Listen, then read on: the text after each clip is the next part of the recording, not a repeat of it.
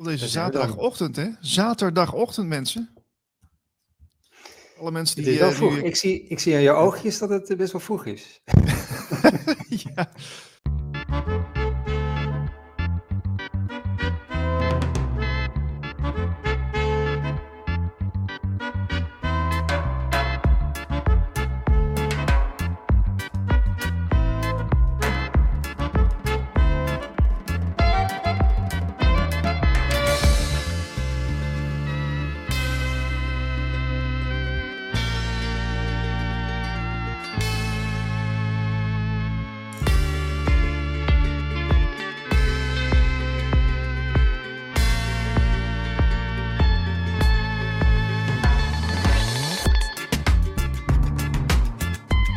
Dennis.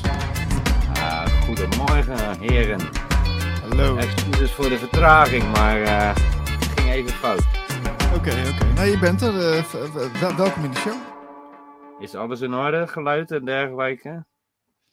Ik denk het geluid wel. Je, je zit wel lekker in de zon. Nou ja, dat is het probleem. Ik zit echt in, eh, in een donker zolderkamertje, dus ik weet niet waar die belichting vandaan komt, maar... Zal ik eens kijken of dat ik het...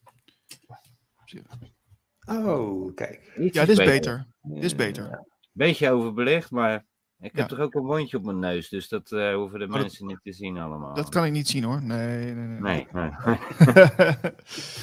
Dennis, eh, eh, fijn dat je er bent. Eh, we hadden het net al even over eh, dubbele getallen en eh, nou ja, überhaupt getallen natuurlijk, die, eh, die, eh, die we opmerken in het dagelijks leven. Oké, ja. En, eh, maar goed, eh, jij bent natuurlijk bij ons eh, bekend van het programma Dit is Logos, eh, waarin je ook dat soort onderwerpen eh, bespreekt. Ehm, want jij hebt ons wat, wat, eh, wat mailtjes gestuurd met informatie die je wilde laten zien, hè?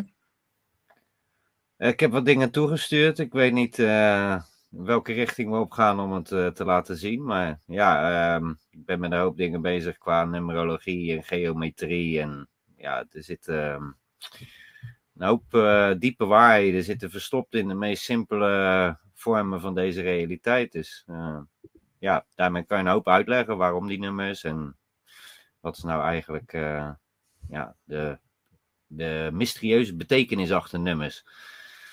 Want ja, het is allemaal wel van, eh, ja, nummers, nummers, maar hoe zijn ze nou ontstaan en wat doen ze eigenlijk in deze realiteit? Ehm, het is super interessant. En ik denk ook eh, de oplossing tot ehm, ja, begrip voor eh, hoe het leven in elkaar zit. Ja. Ja, ik denk Marlijn die eh, is de man van de, van de plaatjes. Dus ik weet niet wat, wat Marlijn klaar heeft staan. Ik heb er van alles eh, klaarstaan. Want ik heb, ja, Dennis die stuurde iets van 88 plaatjes door. Dus ik heb het een beetje gerangschikt. Oh, dat Ik is heb, maar heel eh, weinig. Ik heb ze zorgvuldig eh, geselecteerd, zodat ik dacht van oké, nou hier kan ik inderdaad wat over vertellen. En ja, dit zijn wel plaatjes waarvan ik eh, denk dat mensen, als ze het zien en met een beetje uitleg, dat ze ook begrijpen van nou oké, dat zijn dingen, daar zo heb ik er eigenlijk nog nooit naar gekeken. Maar wat, wat, is, wat is het eh, probleem eh, van, eh, zeg maar, wiskunde op school? Dat, dat, eh, dat, dat werken met nummers en cijfers, daar, heb je ook een mening over, weet ik. Ja, wij zijn op een gegeven moment, ehm, en dat heb ik een tijdje geleden gelezen, is eigenlijk een Saar uit Rusland die naar Nederland is gekomen en die eigenlijk het decimale systeem heeft geïntroduceerd.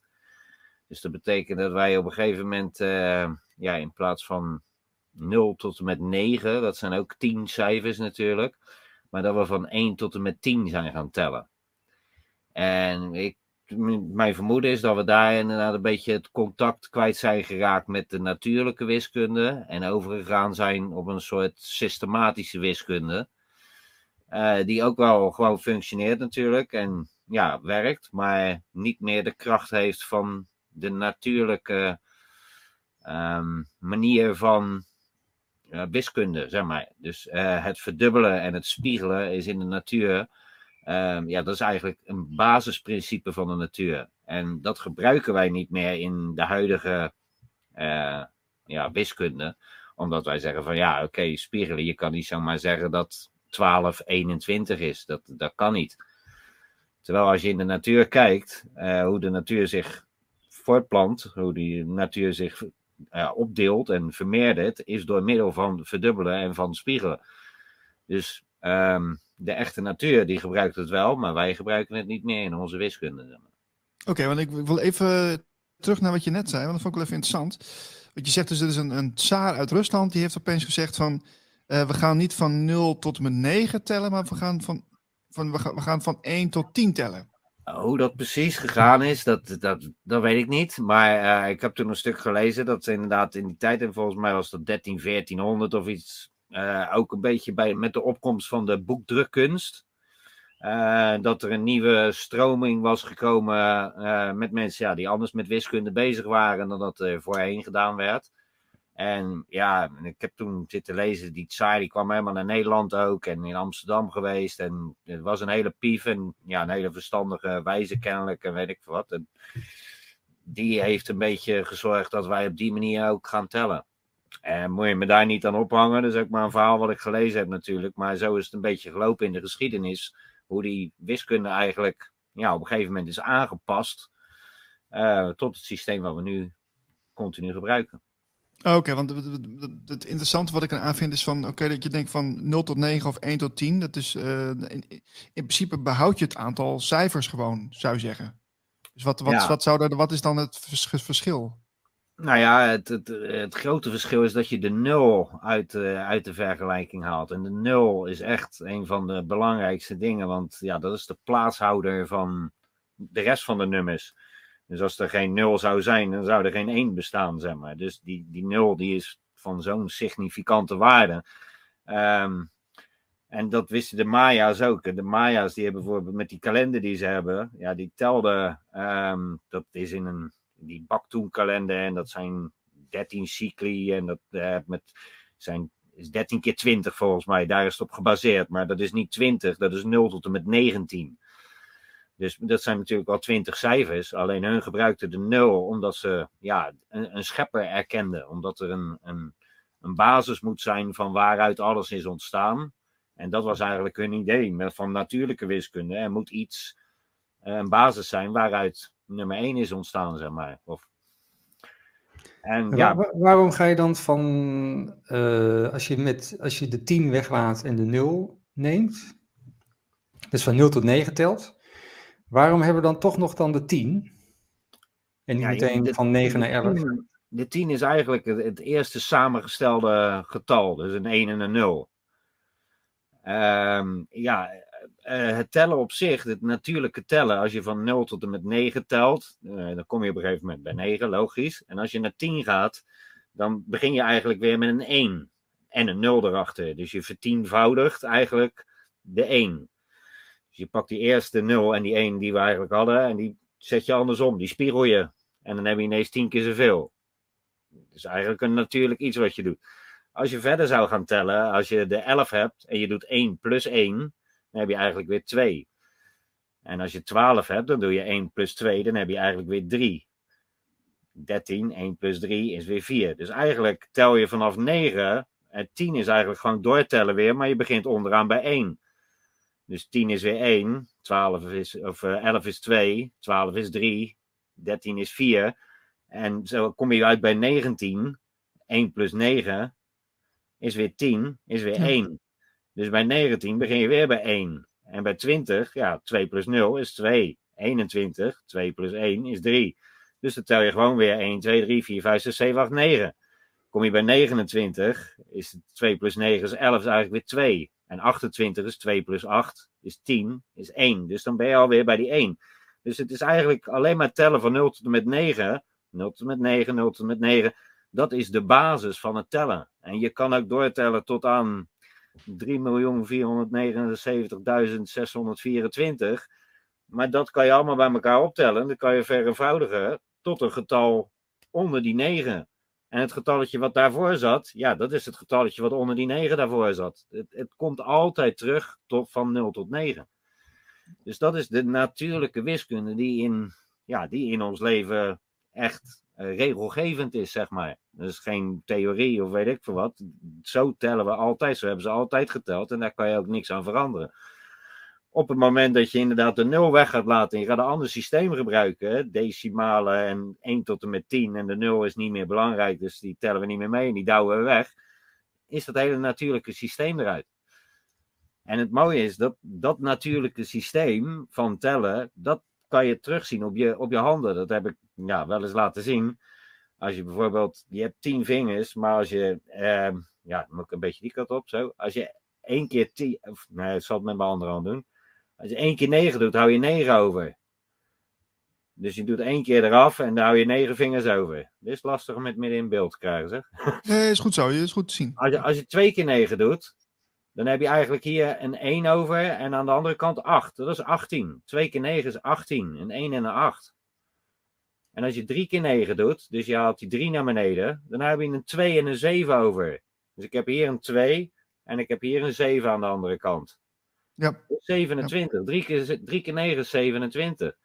En dat gaat gewoon verder. Als je 4 keer doet, dan heb je 36 over. 4 keer 9 is 36. Dus hier 3 vingers en hier 6 vingers. Ja, ja, ik zie het. Ja, ja. Als je dan verder gaat, is 45. En ja, als je verder gaat, is 54. Sorry. Dus uh, uh, kijk, dan heb je 7 keer. Nou, dat is heel makkelijk rekenen. Dat is 63. 9 keer 7 is 63. Ja. Als je het 8 keer doet, heb je 72 over. 7 en een 2. 72. Als je het 9 keer doet, heb je 81 over. Een 8 en een 1. Dat is 81. Als je het 10 keer doet, heb je 90 over. Ja. ja. Dat is weer 9. Dus die, maar, die ja. natuurlijke basis, die staat op je handen. Die, dat heb, hebben wij gekregen. Zo zijn wij gecreëerd. We hebben 10 van die vingers gekregen. En de tafel van 9, die staat op je handen. Dus het meest complete getal wat er bestaat, 9. Want als je hoger telt, 10 is 1 plus 0 is weer 1. Maar die tafel die staat op je handen. Maar als je, als je een 8 en een 1 overhoudt, dan heb je 81. Maar ja. je kan het ook lezen als 18. Maar dat is het mooie van het spiegelen. En dan moet je even in je, in je plaatjes kijken. Ja, als het goed is, zit er een plaatje bij van dat mirroring. En daarin kan je het precies ook goed zien. Dat 18 en 81, dus 2 keer 9 en uh, 9 keer 9, die zitten tegenover elkaar. Ja, dat is dit plaatje. Kun je 9 keer 10 is 90, maar 1 keer 9 is 0,09. 81 en 18, 72 en 27, 63 en 36, 54 en 45. Zit, het is een spiegel ja. van elkaar. Maar dat Als je die twee, middelste, die twee middelste tabelletjes uh, bekijkt met die lijn in het midden, dan zie je het inderdaad. Ja. Dit zijn gewoon je handen. Die zijn ook een spiegel van elkaar. En die uitkomsten, zoals je ze daar op papier hebt, dat zie je hier op je handen, zie je dat gebeuren. 45, 54, 36, 63. Snap je? Dus dit, dit wiskundige uh, oerprincipe van het tellen, dat hebben wij meegekregen op onze tien geboden. Ja. Maar dat vertellen we niet tegen onze kinderen die de tafel van negen moeten leren. Ik heb God, nou ja, Sorry voor me. Maar ik heb me eigenlijk helemaal uh, het schompers geleerd om die tafel van 9 erin te krijgen. Ja, op een gegeven moment had ik wel door dat je er gewoon 10 bij en 1 eraf moest trekken. Maar dat heeft een tijdje geduurd. Dus die juffrouw had gezegd van, joh Dan, het staat gewoon op je handen. Je hoeft alleen even je vingertjes in te trekken. Dan denk ik, oh zo, dat is wel handig ook, zeg maar. Handig. Ja. Ja, ik ben ook wel benieuwd, eh, Dennis, naar de, de, mm, de diepere betekenis van getallen. Hè? Uh, want uh, daar weet je ook wel het een en ander van. Uh, ik weet niet of Marlijn daar een, een, geschikt plaatje bij kan vinden. Maar, maar, kun je daar iets over vertellen? Wat, wat, ja, ik, ge ik, geef jou gewoon even het woord hoor. Misschien dat je het zelf in kan invullen. Maar... Ja, nou ja, de diepere betekenis van getallen. Ik ben op een gegeven moment ehm, ja, ben ik alles uit gaan zoeken qua complottheorieën en uh, ja, wat eigenlijk allemaal wel waar is en niet waar is. En op een gegeven moment kom je erachter, er zijn zoveel dingen waar je kan verliezen die wel of niet waar kunnen zijn. En waar je wel meningen kan hebben, maar die je nooit zou kunnen bewijzen. Uh, tot op het punt dat ik, ja, dat ik echt met getallen in de weer kwam. En ja, die liegen niet, die kunnen niet liegen, zeg maar. Want ja, dat, daar zit gewoon een, een systeem in. En als dat niet klopt, dan klopt het niet. Dan is de uitkomst niet goed, zeg maar. Dus kan je ook altijd terugrekenen, kijken waar de fout zit. En, dus eigenlijk dat is de enige basis van waarheid. En ik was toen al bezig geweest met piramides. Nou, in piramides heb je dan verschillende soorten energieën. Dat scheen op resonantie te werken. Nou, die resonantie, dat werkt allemaal met geluidsgolven natuurlijk. En geluidsgolven, die hebben weer een bepaalde frequentie. Aan die frequentie hangen ook weer getallen. Ehm, dus ja, ehm, als je echt in de, in, op de allerdiepste niveaus gaat kijken, en dan kom je bij Hermes Trismegistus, de eerste die de wijsheid bij de mensen bracht. Eh, dat is tot in de Egyptische uh, sagen, zeg maar. Uh, maar die zei al van al, alles is mentaal, alles uh, is vibrerend. Dus, um, zegt Nikola ja, Tesla zegt het ook, hè? Eigenlijk. Ja, maar ja, dat is ook, en dat weet de huidige wetenschap zegt dat ook. Als je gewoon uh, heel diep ingaat, je gaat naar de protonen en de atomen en weet ik veel wat allemaal. Op een gegeven moment zijn het alleen nog maar trillingen. Ja. Dan zijn het geen vaste deeltjes meer, maar dan zijn het alleen maar um, ja, gecodeerde trillingen, zeg ik dan maar. Want als die die dingen, die hele kleine trillingjes, die veroorzaken op een gegeven moment de materie. Ja. Dus dat is de bron van alles. Dat zijn die trillingen. En laten die trillingen nou inderdaad alleen maar verklaarbaar zijn door hun frequentie en het nummertje wat je daar aan hangt, zodat je ze kan zien van, oh, dat is zo'n vorm, dat is, uh, ja. Maar dan, dan kun je dus ook zeggen van, als je, je kan alles uh, becijferen, zeg maar. Um, dan kan je ook zeggen, ja, de, de, emoties en gevoelens, die hebben ook een bepaalde frequentie, een bepaald nummer. Um, ja, kunnen we daar iets mee dan, als we, als we weten van, oké, dat nummer staat voor die frequentie, dus voor hoe ik me voel? Uh, nou, als je bijvoorbeeld, als je kijkt naar 432 hertz, daar hebben jullie wel vaker van gehoord, denk ik. Dat is de, ja, hoe noemen ze het, de angelic... Uh, toon of de, de meest, uh, ja, de meest mooie zuivere toon in de natuur, zeg maar. Dat is 432 hertz. Dat is ook later veranderd na de Tweede Wereldoorlog naar 440 hertz. Het stemmen van instrumenten, die ook wel vaak omgooien. Dat is niet voor niks. Dat is om die, om die heilige toon uit ons systeem te krijgen. Want uh, kennelijk, ja, ons, water, ons lichaam bestaat voornamelijk uit water. En dat reageert heel goed op trillingen. Dus 432 hertz, daar reageert je lichaam ook heel erg goed op. En ja, dat zorgt voor ja, positieve energie in je lichaam, zeg maar. Ja. Dus daarmee, en daar was Tesla ook mee bezig, met die frequenties kan je inderdaad uh, je biologie veranderen, je systeem aanpassen. Uh, ik heb, toen ik daarachter kwam, heb ik heel veel ben ik gaan slapen met muziek met verschillende soorten hertz. En om te kijken of dat het inderdaad invloed had. Ik merkte echt daadwerkelijk dat mijn lichaam gewoon tot rust kwam. Doordat ik uh, het blootstelde aan positieve trillingen. En of dat nou alleen maar in mijn hoofd zat. Of dat het maar voor mijn gevoel. Ging ik me gewoon beter voelen. En ja, voelde mijn lichaam gewoon goed, zeg maar, daarna. Dus ja, of dat het inderdaad echt werkt, of dat het alleen maar in je hoofd zit. Um, als je maar dat maakt toch niet uit? Nee, maar als je echt, echt, terug gaat naar de basis ook, dan zou het ook moeten werken. Want um, ja, als alles frequentie is en je resoneert met de goede frequenties, ja, voel je je goed. En dat is volgens mij wetenschappelijk ook wel vastgesteld. Want anders zouden ze die frequenties niet hebben. Zouden ze niet kunnen zeggen van hé, hey, 432, dat is echt uh, je van het, zeg maar. Ja, maar het kleurt ook je wereld, hè? Tenminste, dat heb ik ook ervaren. Als je je, je frequentie omhoog kan gooien, uh, dan, dan resoneer je meer met, met de liefdesenergie. Laat, laat ik het even zo uitleggen. La, la, la, laten we het love noemen, liefde. En uh, dan ga je ook anders naar de wereld kijken. Dus dat, dat is mijn ervaring. Dat je dus meer het. het um, ja, je zou het bijna een soort, soort zweefmodus kunnen noemen. Dat je een beetje dat je overal alles het goede inziet en zo. Dat is misschien wat naïef uh, voor de mensen die nu, nu kijken. Ik denk van, nou ja, het is een beetje, een beetje zweefmodus. Maar ik merk, merk, ik heb wel ervaren, als je, als je dat toelaat, uh, ja, dat, dat, je, uh, ja, dat je dus inderdaad met een liefdevolle blik, zeg maar, overal naar kunt kijken. Ik wil niet zeggen dat het per se beter is, maar ik zeg wel dat je in zo'n staat kan komen als je, nou ja, voor mij is voornamelijk dat je het, het verschil erkent ook tussen goede en slechte vibraties. Als je eenmaal weet dat die dingen invloed hebben, dan, je, ja, dan ga je er ook een beetje meer op richten en meer op leven. En afstand nemen van slechtere frequenties. En ja, dan zie je ook dat woede bijvoorbeeld, dat het, ja, uh, ja, je gaat het misschien minder zien als een emotie, maar meer als een slechte frequentie. Dat, dat je ook daar meer mee kan relaten. Dat je, uh, als iemand boos is, dan word je ook al gauw boos.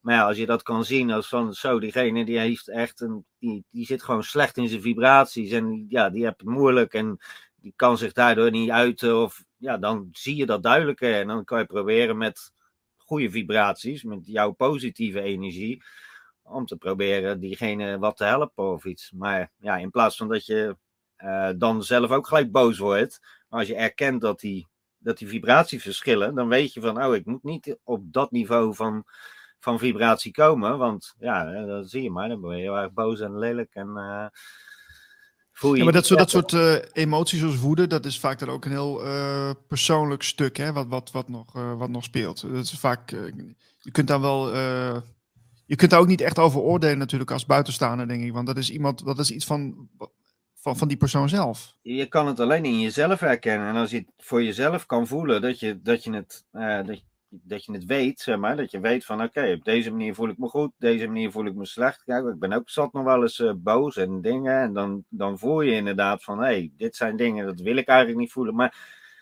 uh, als je er helemaal niet mee bezig bent, dan ben je eigenlijk alleen maar boos. En dan, dan kan je er ook, dan kan je er weinig meer mee, weet je wel. Dan, ja. ja. Maar als je, als je helemaal niet bewust bent van dat soort dingen, dan ben je gewoon een speelbal van het universum. Hè? Dus als je, hè, dat, uh, dan laat je jezelf een beetje overal rond, rondstuiteren daar gaat het. En dat is eigenlijk, um, tenminste, ja, wat ik ook probeer aan ook mensen duidelijk te maken. Van, er, is, er is echt iets speciaals aan de gang hier. We zitten echt in een heel speciaal systeem.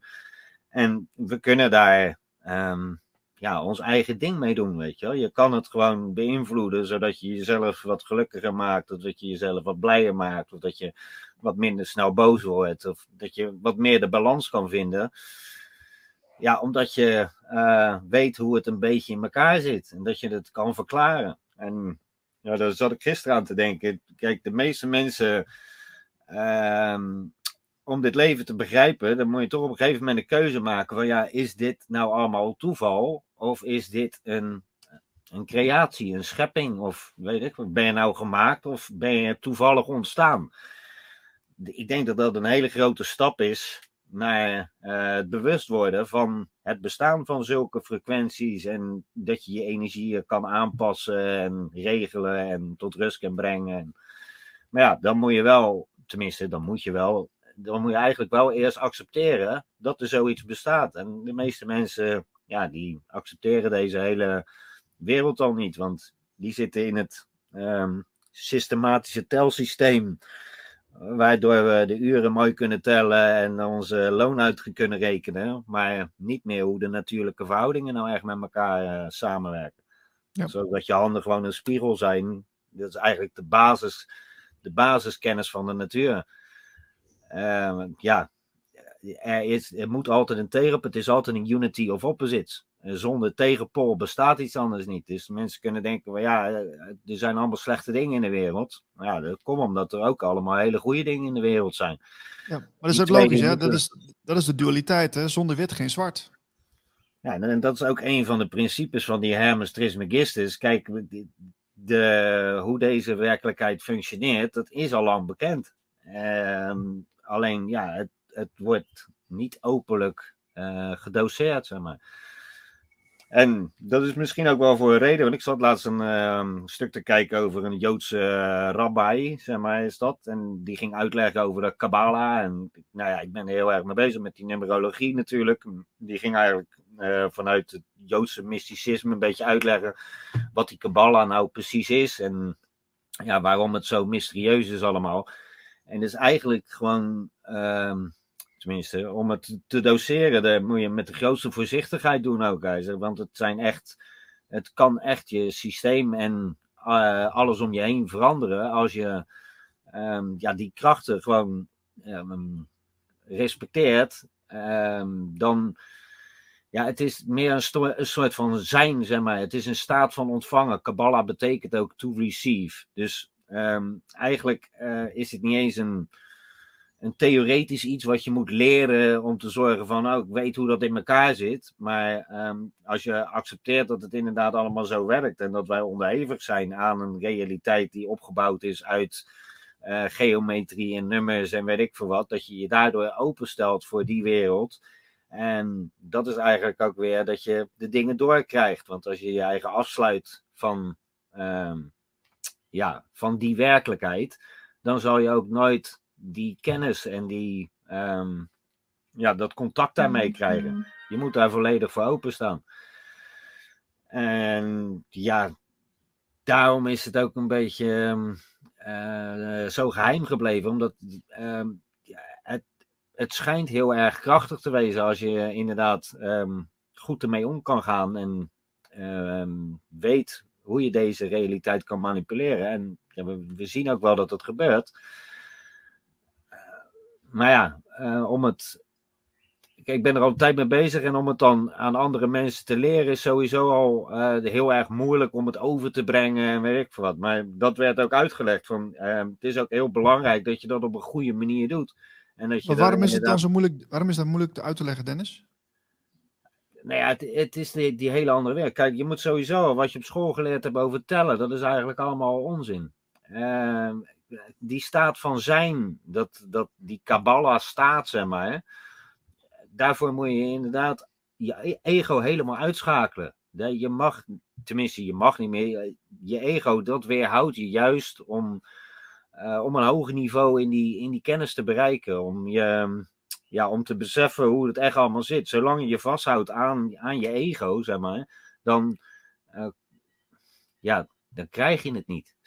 Het is heel raar, maar dat zei die man ook. Hij zegt, zolang je je ego je partner speelt om, uh, om ergens achter te komen of weet ik veel wat, dan krijg je die kennis niet. Of dan word je. Het is een soort van introductie. En het lijkt wel dat je dat een soort gechanneld krijgt. Ik, ik voel mezelf oh. ook een soort van voertuig, niet als een iemand die bezig is met dingen onderzoeken. Nee, ja, je krijgt die dingen. Dat, iets leidt je daar naartoe, waardoor je de informatie weer krijgt. En dat je daar wat mee kan doen. En dat je dat je dat begrijpt en op een, op een manier kan vormgeven, zodat andere mensen dat weer gaan begrijpen, weet je wel. Het, gaat niet om de persoon, ik, die heel goed weet hoe alles in elkaar zit. Het gaat er maar om van, oké, ben je in een staat van zijn dat je die informatie verdient? En als je die informatie verdient, dan krijg je hem, maar dan moet je ook de verantwoordelijkheid nemen om goed over te dragen dat was eigenlijk wat die rabbi vertelde over de Kabbalah. Nou ja, ik dacht eigenlijk, oh ja, ja dit, is allemaal nummertjes en geometrie te maken. Maar het is echt gewoon een, uh, een staat van zijn. Oh, ik, ik, wist het nooit. Ik dacht dat het ook gewoon een soort, soort concept was. Of een, of een manier van hoe, hoe je dingen berekent. Of, of hoe je telt of zo, weet ik veel. Maar ik, dat ben is dus al heel lang, ik ben er al heel lang mee bezig. En een paar maanden geleden ben ik daar ook op die manier pas achter gekomen. Doordat je uh, toch naar zo iemand gaat luisteren. Kijk, kijk, ik krijg zat van die YouTube-filmpjes voorbij met mensen die van alles te vertellen hebben. Maar en dat is ook een beetje hoe het gaat. Je moet maar, je aandacht moet op dat ene filmpje vallen en je moet dat gaan kijken en je moet daar je interesse voor tonen om echt een uur naar die man te gaan zitten luisteren. Wat hij nou precies te vertellen heeft over hoe hun de Kabbalah beleven, weet je wel. Het is niet, ik weet het niet. Ik, ik heb dat allemaal niet uitgevonden, dus ik moet luisteren naar de mensen die daar dit leven lang al mee bezig zijn om te proberen om het ons duidelijk te maken, zeg maar. En ja, daar moet je je eigen dingen weer van pakken om het, om het zelf weer over te dragen. Maar ja, ik wist inderdaad ook niet dat de Kabbalah op die manier in het Joodse mysticisme um, ja, eigenlijk gebruikt werd. En gedoseerd werd. En ik wist wel dat het pas na je veertigste gedoseerd werd, omdat je dan uh, een leven lang van je eigen hebt moet bewijzen dat je een goed mens bent in de ogen van het Joodse geloof dan of iets. En dat je dan geïnitieerd wordt in die kennis. Maar dat die kennis niet gewoon uit een boekje kwam, maar dat, je, dat het een soort staat van zijn was om te ontvangen. En dat betekent het woord ook Kabbalah to receive. Je hebt ook een andere vertaling, de kubus van God. En uh, ja, dat zijn een beetje de invalshoeken waardoor je ook weet waardoor je, ja, waar je te maken hebt, zeg maar kubus van God is meer de geometrie en de numerologie. En dat Kabbalah to receive, eh, het ontvangen, dat is meer het ontvangen van die kennis, van die kubus van God, zeg maar. Oké, maar dat, is, dat lijkt een beetje op uh, channelen. Als je je ego uh, even weg moet doen, dan moet je dus ontvankelijk zijn en een soort overgave hebben. En dan, dan, dan komt het tot je. Dat is het enigste wat ze ook eigenlijk in die oude, oude geloven doen. En in die oude, ja, wat ze eigenlijk in de oude religies en mythes allemaal zeggen, dat je die ego uit moet schrijven. Je hebt bijvoorbeeld de, de Soefies, die doen zo'n draaidans, zeg maar. En die draaidans, die doen ze eigenlijk alleen maar om compleet in een soort trance te komen, zodat ze hun ego verliezen en contact maken met de spirit, de, ja, het bewustzijn die, ehm, ja, waar je ego die houdt je continu tegen om dat bewustzijn te bereiken. Want je ego die gaat ervoor zorgen, ik ben bang voor dat, ik moet zorgen voor dat. En dat, die, dat is, die is allemaal alleen maar bezig met de materialistische dingen in de wereld. Maar daar, dat is juist maar één kant. En dat is ook de unity of opposite. Je hebt de materialistische kant en je hebt die spirituele kant, maar ze zijn even groot. Ze zijn even belangrijk. En we kunnen niet alleen maar aan die materialistische kant blijven denken en daarin blijven leven, want dan zijn we maar voor de helft compleet, zeg maar. Interessant zeg. Wist jij, wist jij dit Marlijn? Uh, nou, sommige dingen wist ik wel, andere dingen weer niet. Dus, uh... Jongen, jongen. Jij, ik heb ik wil nog een keer een spannend gesprek voeren met jou, hè? ja, hij is heel koeltjes, hè, Merlijn, altijd. Nou, ongelooflijk, ja. ja. Maar goed. Wat zien we hier, Dennis? Uh, ja, nou ja, hij hebt er nu een paar bij elkaar gegooid allemaal. Dit is, uh, ja, dat is 369, zie ik heel veel terugkomen. En ja, 369 zijn dan die nummers van Tesla ook. En dat is een beetje waar dat vandaan komt. Als je dat eerste, eerste blokje ziet, 1, 2, 3, 4, 5, 6, 7, 8, 9. Dat is eigenlijk hoe de Phoenicië is. Uh, de Sumerianen en echt het begin van wat wij kennen als samenlevingen. Uh, hoe die hun telsysteem brachten. En ja, de Phoeniciërs, dat zijn nog steeds eigenlijk de machthebbers in de wereld, zeg maar. De, de, de, uh, de families die het ooit begonnen zijn, die hebben nog steeds met deze macht, met deze kennis, hebben ze de macht over de hele samenleving. Want als je kijkt op je iPad van je telefoon, of, dan zie je inderdaad die nummers. Zo uh, stellen wij onze nummers tentoon ook overal. 1, 2, 3, 4, 5, 6, 7, 8, 9. En de nul eronder. Als je dat zo op gaat tellen, um, ja, dan kom je tot hele bijzondere uitkomsten die je weer terug kan koppelen naar de gematria in die King James Version Bijbel. Dat is een beetje een hele grote brug op deze manier, zeg maar. Maar uh, eigenlijk, ja, het bijzondere dat wij elke dag met die telefoon in, in ons hand lopen.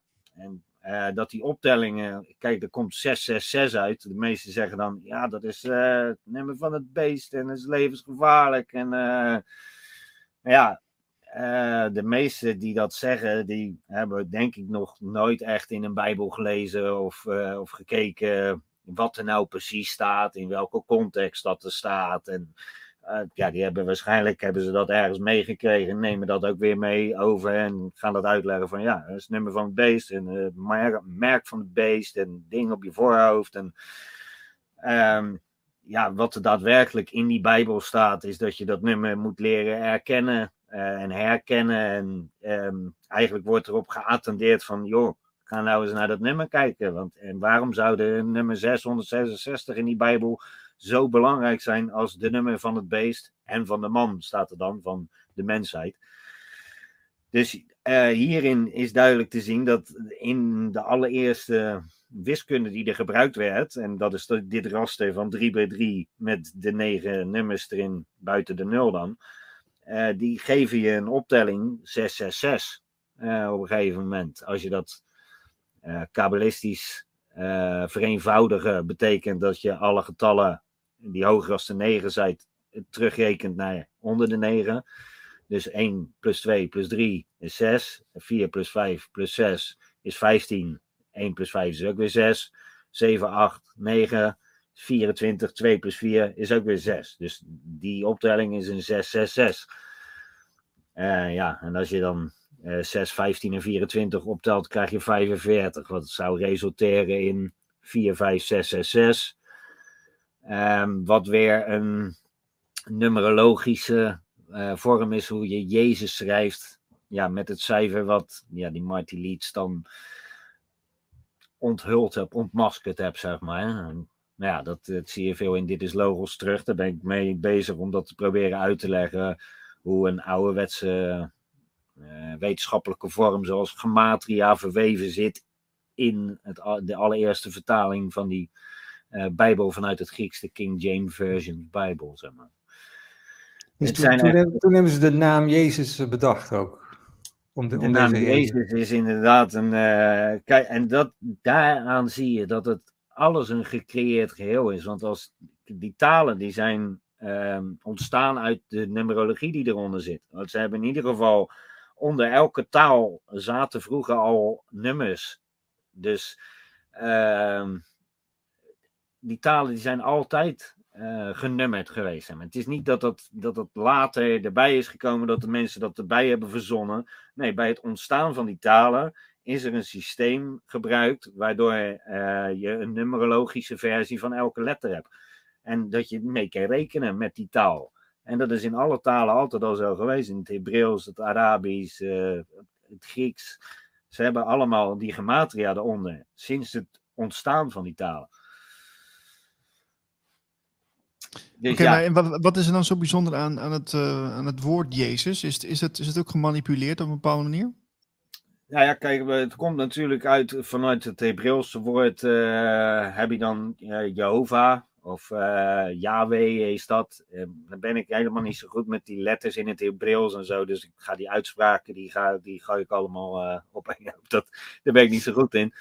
Maar daarin kan je zien dat hoe ze in, um, in het Hebreeuws Jezus schreven.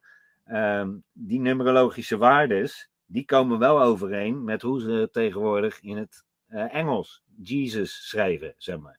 En daaraan kan je zien dat die geloven ook allemaal dezelfde basis hebben. Want ja, ze gebruiken hetzelfde systeem. Die systemen die leiden je allemaal naar natuurlijke wetenschappen.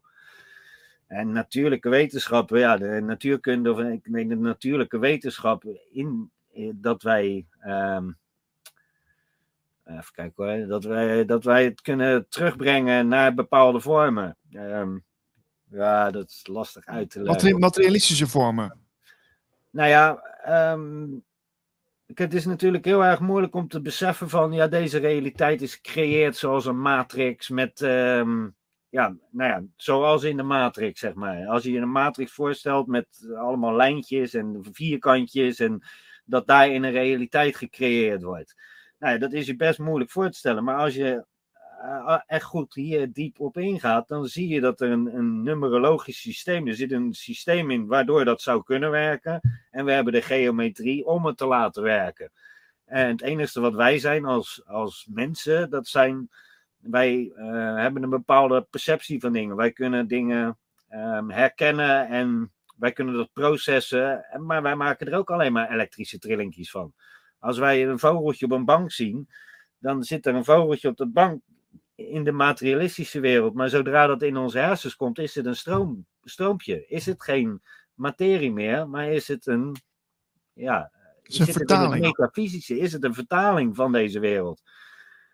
En die hebben we allemaal in ons hoofd. Wij hebben dat contact, dat is een antenne, en die staat in, met een bepaald bewustzijn in contact, waardoor we deze hele realiteit kunnen begrijpen. En een perceptie hebben van deze realiteit. Maar ja, iemand die zeg maar kleurenblind is, die heeft alweer een andere perceptie van deze realiteit. Maar ja, het zijn allemaal dezelfde stroompjes. Alleen, ja, het wordt anders geïnterpreteerd. Als jij een beperking hebt in je, in je zicht, ja, dan zie je dingen niet meer. Ja, ik heb een keer begrepen, Dennis, ik heb een keer begrepen dat uh, onze hersenen zijn in staat om, om uh, de, deze fysieke realiteit uh, te kunnen vertalen voor, voor 0,0005% of zo. Ken, ken je het getal? Ja, dus daar, eigenlijk alleen maar wat we zien, wat we voelen, wat we ruiken, dat, dat zijn onze sensoren. Wij kunnen alleen maar, ja, als je het echt naar de, de metaverse terug gaat koppelen, weet je wel, we zijn gewoon een soort sensorisch antennesysteem. Ja, maar dan zijn we ook eigenlijk, als, je, als, we, als, we, zo weinig kunnen vertalen van wat deze werkelijkheid behelst, dan zijn we ook behoorlijk blind natuurlijk. Ja, ja, nou ja, eh, misschien nog niet. Ehm, in een staat dat we inderdaad die dingen wel kunnen doen. En ja, als je, uh, als je dat gaat zien van oké, als je daar meer, meer gebruik van zou kunnen maken, als je het beter begrijpt en als je de dingen inderdaad wel zou kunnen zien of zou kunnen manipuleren, dat je weet hoe je dingen kan veranderen. Ja, dan worden de dingen zoals het bouwen van piramides en dergelijke ook een stuk logischer. Als jij weet hoe je de bouwstenen van deze realiteit kan manipuleren, ja, dan kan je ook megalithische bouwwerken maken. Want ja, dan heb je daar geen werktuigen meer voor nodig, maar dan heb je gewoon de mogelijkheid om zoiets te doen. Maar dan moet je wel de kennis daarvoor hebben. En wat maakt deze materialistische realiteit? Nou, dat, zijn die, dat is die resonantie en dat is die, die trillingen. Als je die trillingen kan beheersen, ja, kan je alles met deze realiteit doen wat je wil, volgens mij. Ja, maar dan, kun je dus ook uh, de, de materialiteit van de materialistische wereld, zeg maar, uh, beïnvloeden. Dus dan heb je uh, een bepaalde manier. Ehm, maak je dan gebruik van, van je, je, je andere vermogens, zeg maar? Nou ja, um, ik denk dat de mensen veel meer vermogen. Kijk, die, die, we hebben het ook wel eens gezien: mensen die lepels verbuigen en weet ik veel wat allemaal. Die, uh, er zijn echt wel dingen die ja, eigenlijk onverklaarbaar zijn, maar die wel kunnen.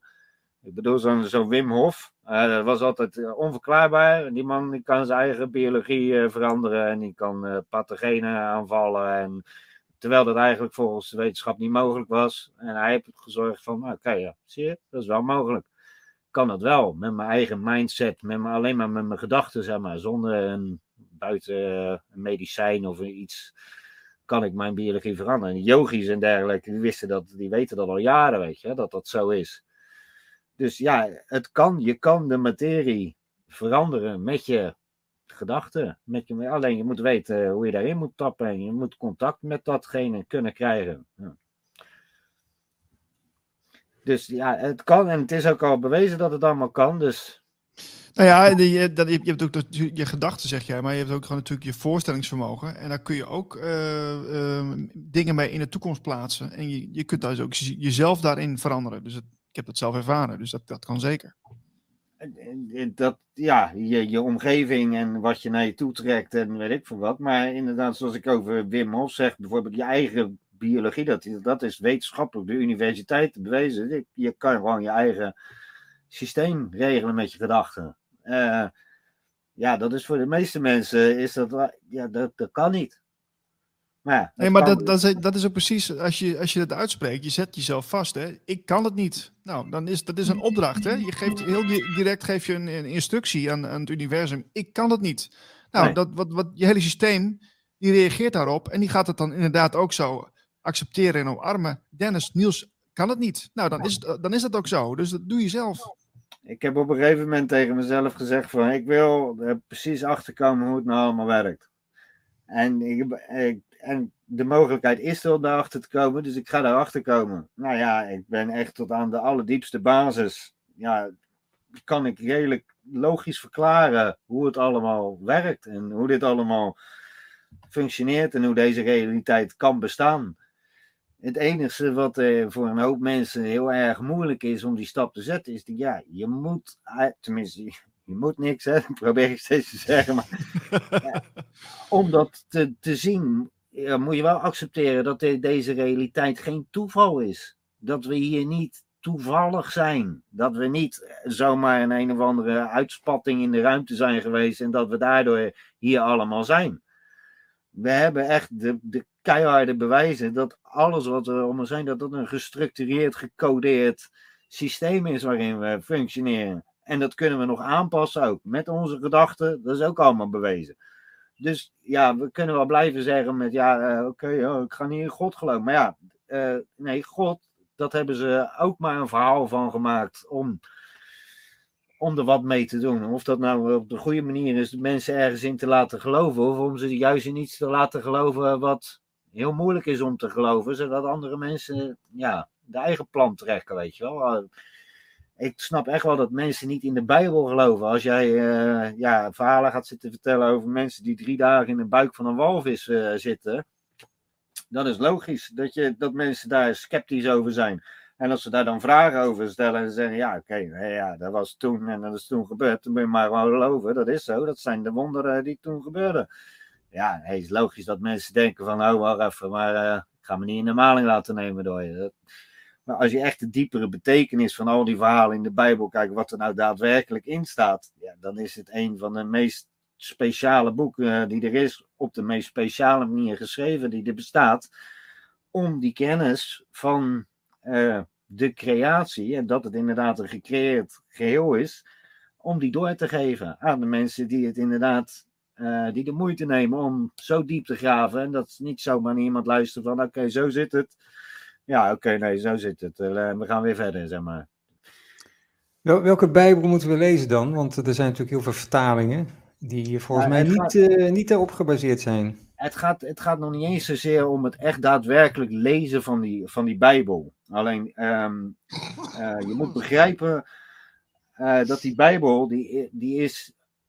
Um, die is op een gegeven moment gemaakt om die oeroude kennis over te dragen. Maar die oeroude kennis over hoe deze realiteit functioneert, daar kan, je, kan je inderdaad de wereld mee beheersen.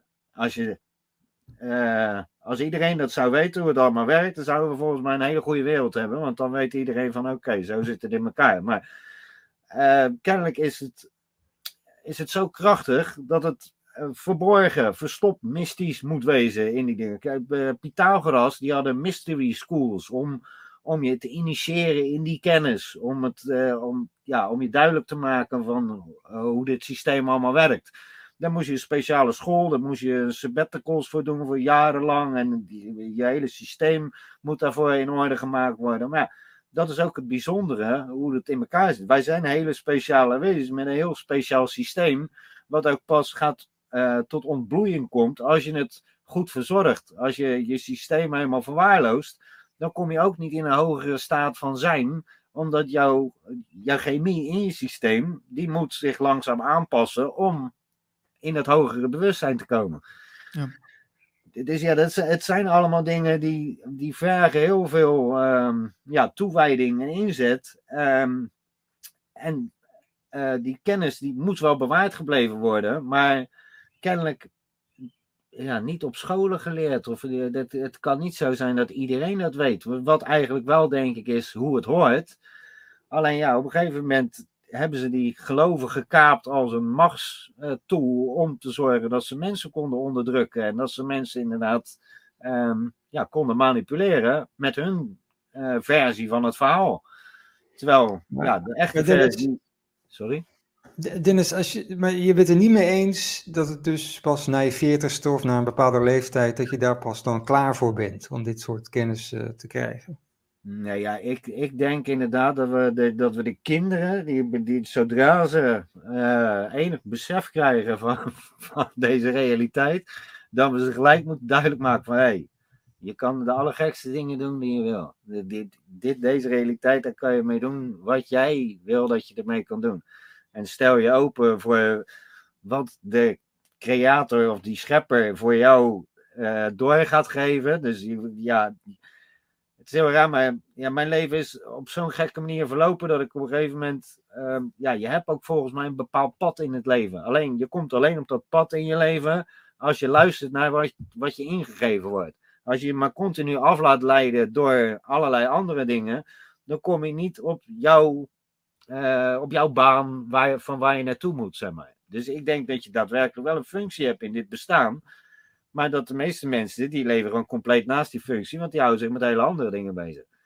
Ik ben me op een gegeven moment gaan beseffen van, oké, ik krijg dit allemaal zo en wat moet ik hier nou mee? En ja, moet ik nou gewoon door blijven gaan? Ik heb voor mezelf besloten van, nee, ik moet hier naar luisteren. En ik, ik moet gewoon doen wat ik voel. En wat ik voel, dat daar ga ik mee aan de slag. En ik probeer ja, op die manier mijn leven uh, invulling te geven. In plaats van dat ik mijn leven invulling geef door uh, hard te werken om voor iemand anders geld te verdienen en voor mezelf net een beetje over te houden om mijn kosten te betalen, ga ik kijken van, nou ja, wat gaat dit leven mij brengen en waar ga ik terechtkomen en uh, ja, laat het maar gaan, zeg maar. En ja, dit is de meest interessante tijd van mijn hele leven, dat kan ik eerlijk zeggen. Dus waarom zou je dat die kinderen onthouden, weet je wel? Die krijgen bepaalde impulsen door eh, wat ze moeten gaan doen eigenlijk in dit leven. En dat gaan wij allemaal op school alvast afpakken. Want dan gaan ze één dingetje leren. En de rest is allemaal onzin. Dan mag je niet naar kijken, mag je niet naar luisteren. Nee, maar goed, dat is natuurlijk het, hele systeem dat opgetuigd is. Uh, dat is natuurlijk uh, gigantisch gemanipuleerd. En die machthebbers die, uh, die, ach die, achter de schermen aan het roer staan, ja, die, die weten natuurlijk ook, als je mensen maar lang genoeg afleidt, dan, dan zijn ze ook geen bedreiging voor, voor de status quo. Dus dat, is, dat is natuurlijk ook heel bewust gedaan. En nou, steeds meer mensen zien dat nu. En hoe meer mensen erachter komen, ja, hoe, hoe, hoe duidelijker het wordt dat die machten ja, er niet voor ons zijn. Laat, laat ik het dan maar zo even uitleggen. Het zijn schurken gewoon, ja. Ja, ja. en heel het leven dat zit vol met schurken. als ik om me heen kijk, er zijn maar heel weinig echt eerlijke mensen. Die, die echt continu. Maar en nog niet eens omdat ze niet eerlijk willen zijn, omdat het kennelijk tegenwoordig normaal is dat je niet meer eerlijk bent. En dat je gewoon ja, dingen doet om er zo beter van te worden zonder dat je eigenlijk stil bent staan. En helemaal onze functie in dit leven is helemaal weggegaan. We zijn eigenlijk allemaal bezig met ons eigen, eigen dingetje. Die, die ego continu, daar, daar, hebben ze het echt goed naartoe geleid. Dat iedereen echt op zijn ego mee bezig is en niks meer doet voor de samenleving. We zouden elkaar allemaal moeten helpen. Zoals alle dieren, die, die zorgen allemaal voor elkaar, die helpen elkaar, leiden elkaar. Eh, ja, zo horen we te zijn als mensen. Maar ja, wij denken dat we heel wat zijn en we gaan onze eigen invulling van het leven geven. Ja, maken er een complete bende van voor. Ja, nou, dat, dat, druk je nog voorzichtig uit.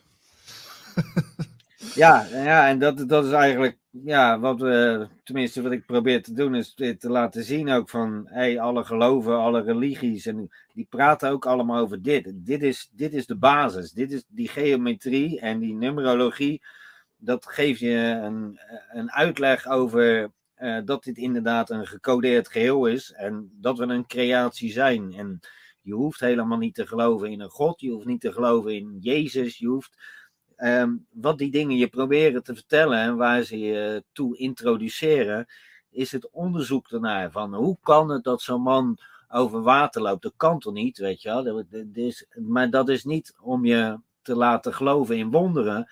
Nee, dat is om je te laten onderzoeken van waarom zouden ze dat willen zeggen tegen me.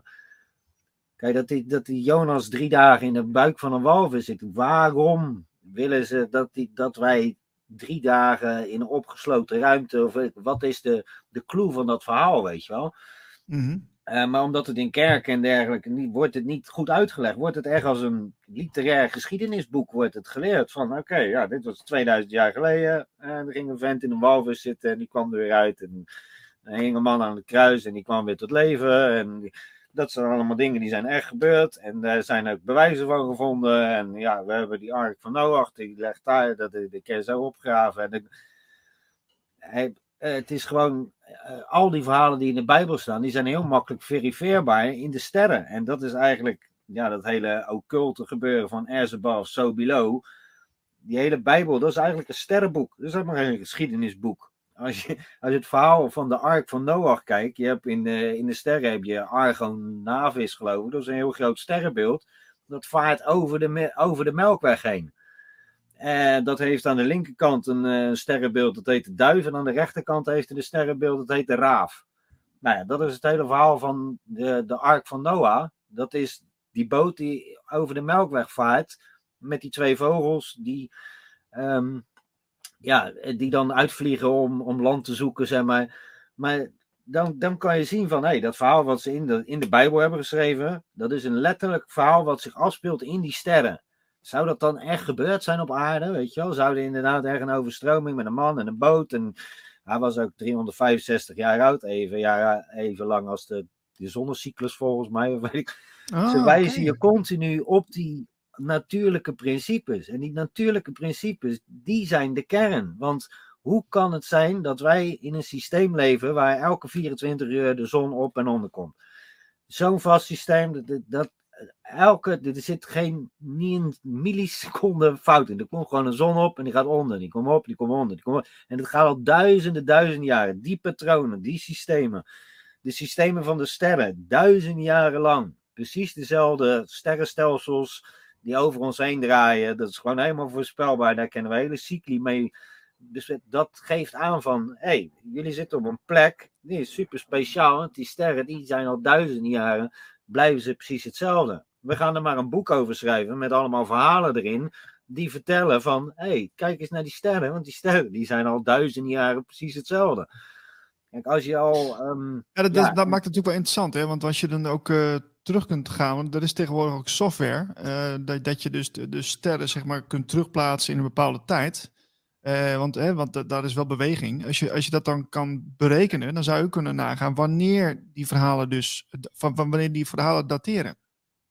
Nou ja, als je kijkt naar zo'n Maya, we hadden net die Maya-cyclus in beeld. Ehm, ja, ja, dat is een cyclus van 26.000 jaar. Ja. Hun, kun, hun konden voorspellen ehm, waar de zon en, eh, in de equinox zou staan eh, in eh, 2000 of 12, eh, 21, 2021 geloof ik. Ja. Tot, Ja. Op de, tot op de seconde. Dus je gaat 26.000 jaar tot op de seconde ga je voorspellen. Dus betekent dan dat dit een eh toevalstreffer is of dat we echt in een systeem zitten wat tot op de milliseconde uitgerekend kan worden en wat altijd klopt. Dus daaraan zie je de creatie. Maar ehm, ja, er worden natuurlijk allemaal verhalen over. Ja, ze hebben het eind van de wereld voorspeld. En, nee, hun zagen die telling. Hun hebben jarenlang op bergen gezeten. Daar waren die, die, die heuvels voor die ze hadden. Dan zaten ze naar die sterren te kijken. En dan zaten ze Ja. te tellen. En dan zeiden ze, oh, nou, dat gaat zo, dat gaat zo, dat gaat zo. Dat gaat uit. Ja, dat komt weer terug. Dat hebben ze duizenden jaren gedaan. Totdat ze zagen van, hé, zo, er zit echt een heel systeem in. En het komt gewoon elke keer, blijft dat eh, terugkomen. Ja, maar de, het eind van de wereld, dat is wel, dat is wel een interessant iets, hè? Want dat is, er zijn heel veel mensen geweest inderdaad die dachten van, nou, dan hebben we zo meteen het einde der tijden en dan, eh, dan gaat alles eraan.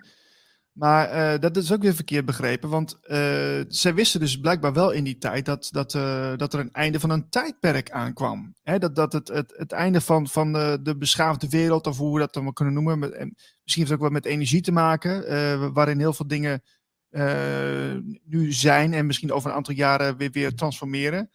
Dus het, dat was is, voor hun, het was voor hun gewoon dat de kalender op nul kwam. En dit was Jawel. niet het einde der tijden of weet ik wat. Nee, voor hun, was, de cyclus was op, dus we begonnen we weer bij nul te tellen. Ja, ja maar je dat ziet ook, hoe ziet wij het ook met een jaar doen, zeg maar. eh, Tot 365 dagen. Dan beginnen we ook weer bij één.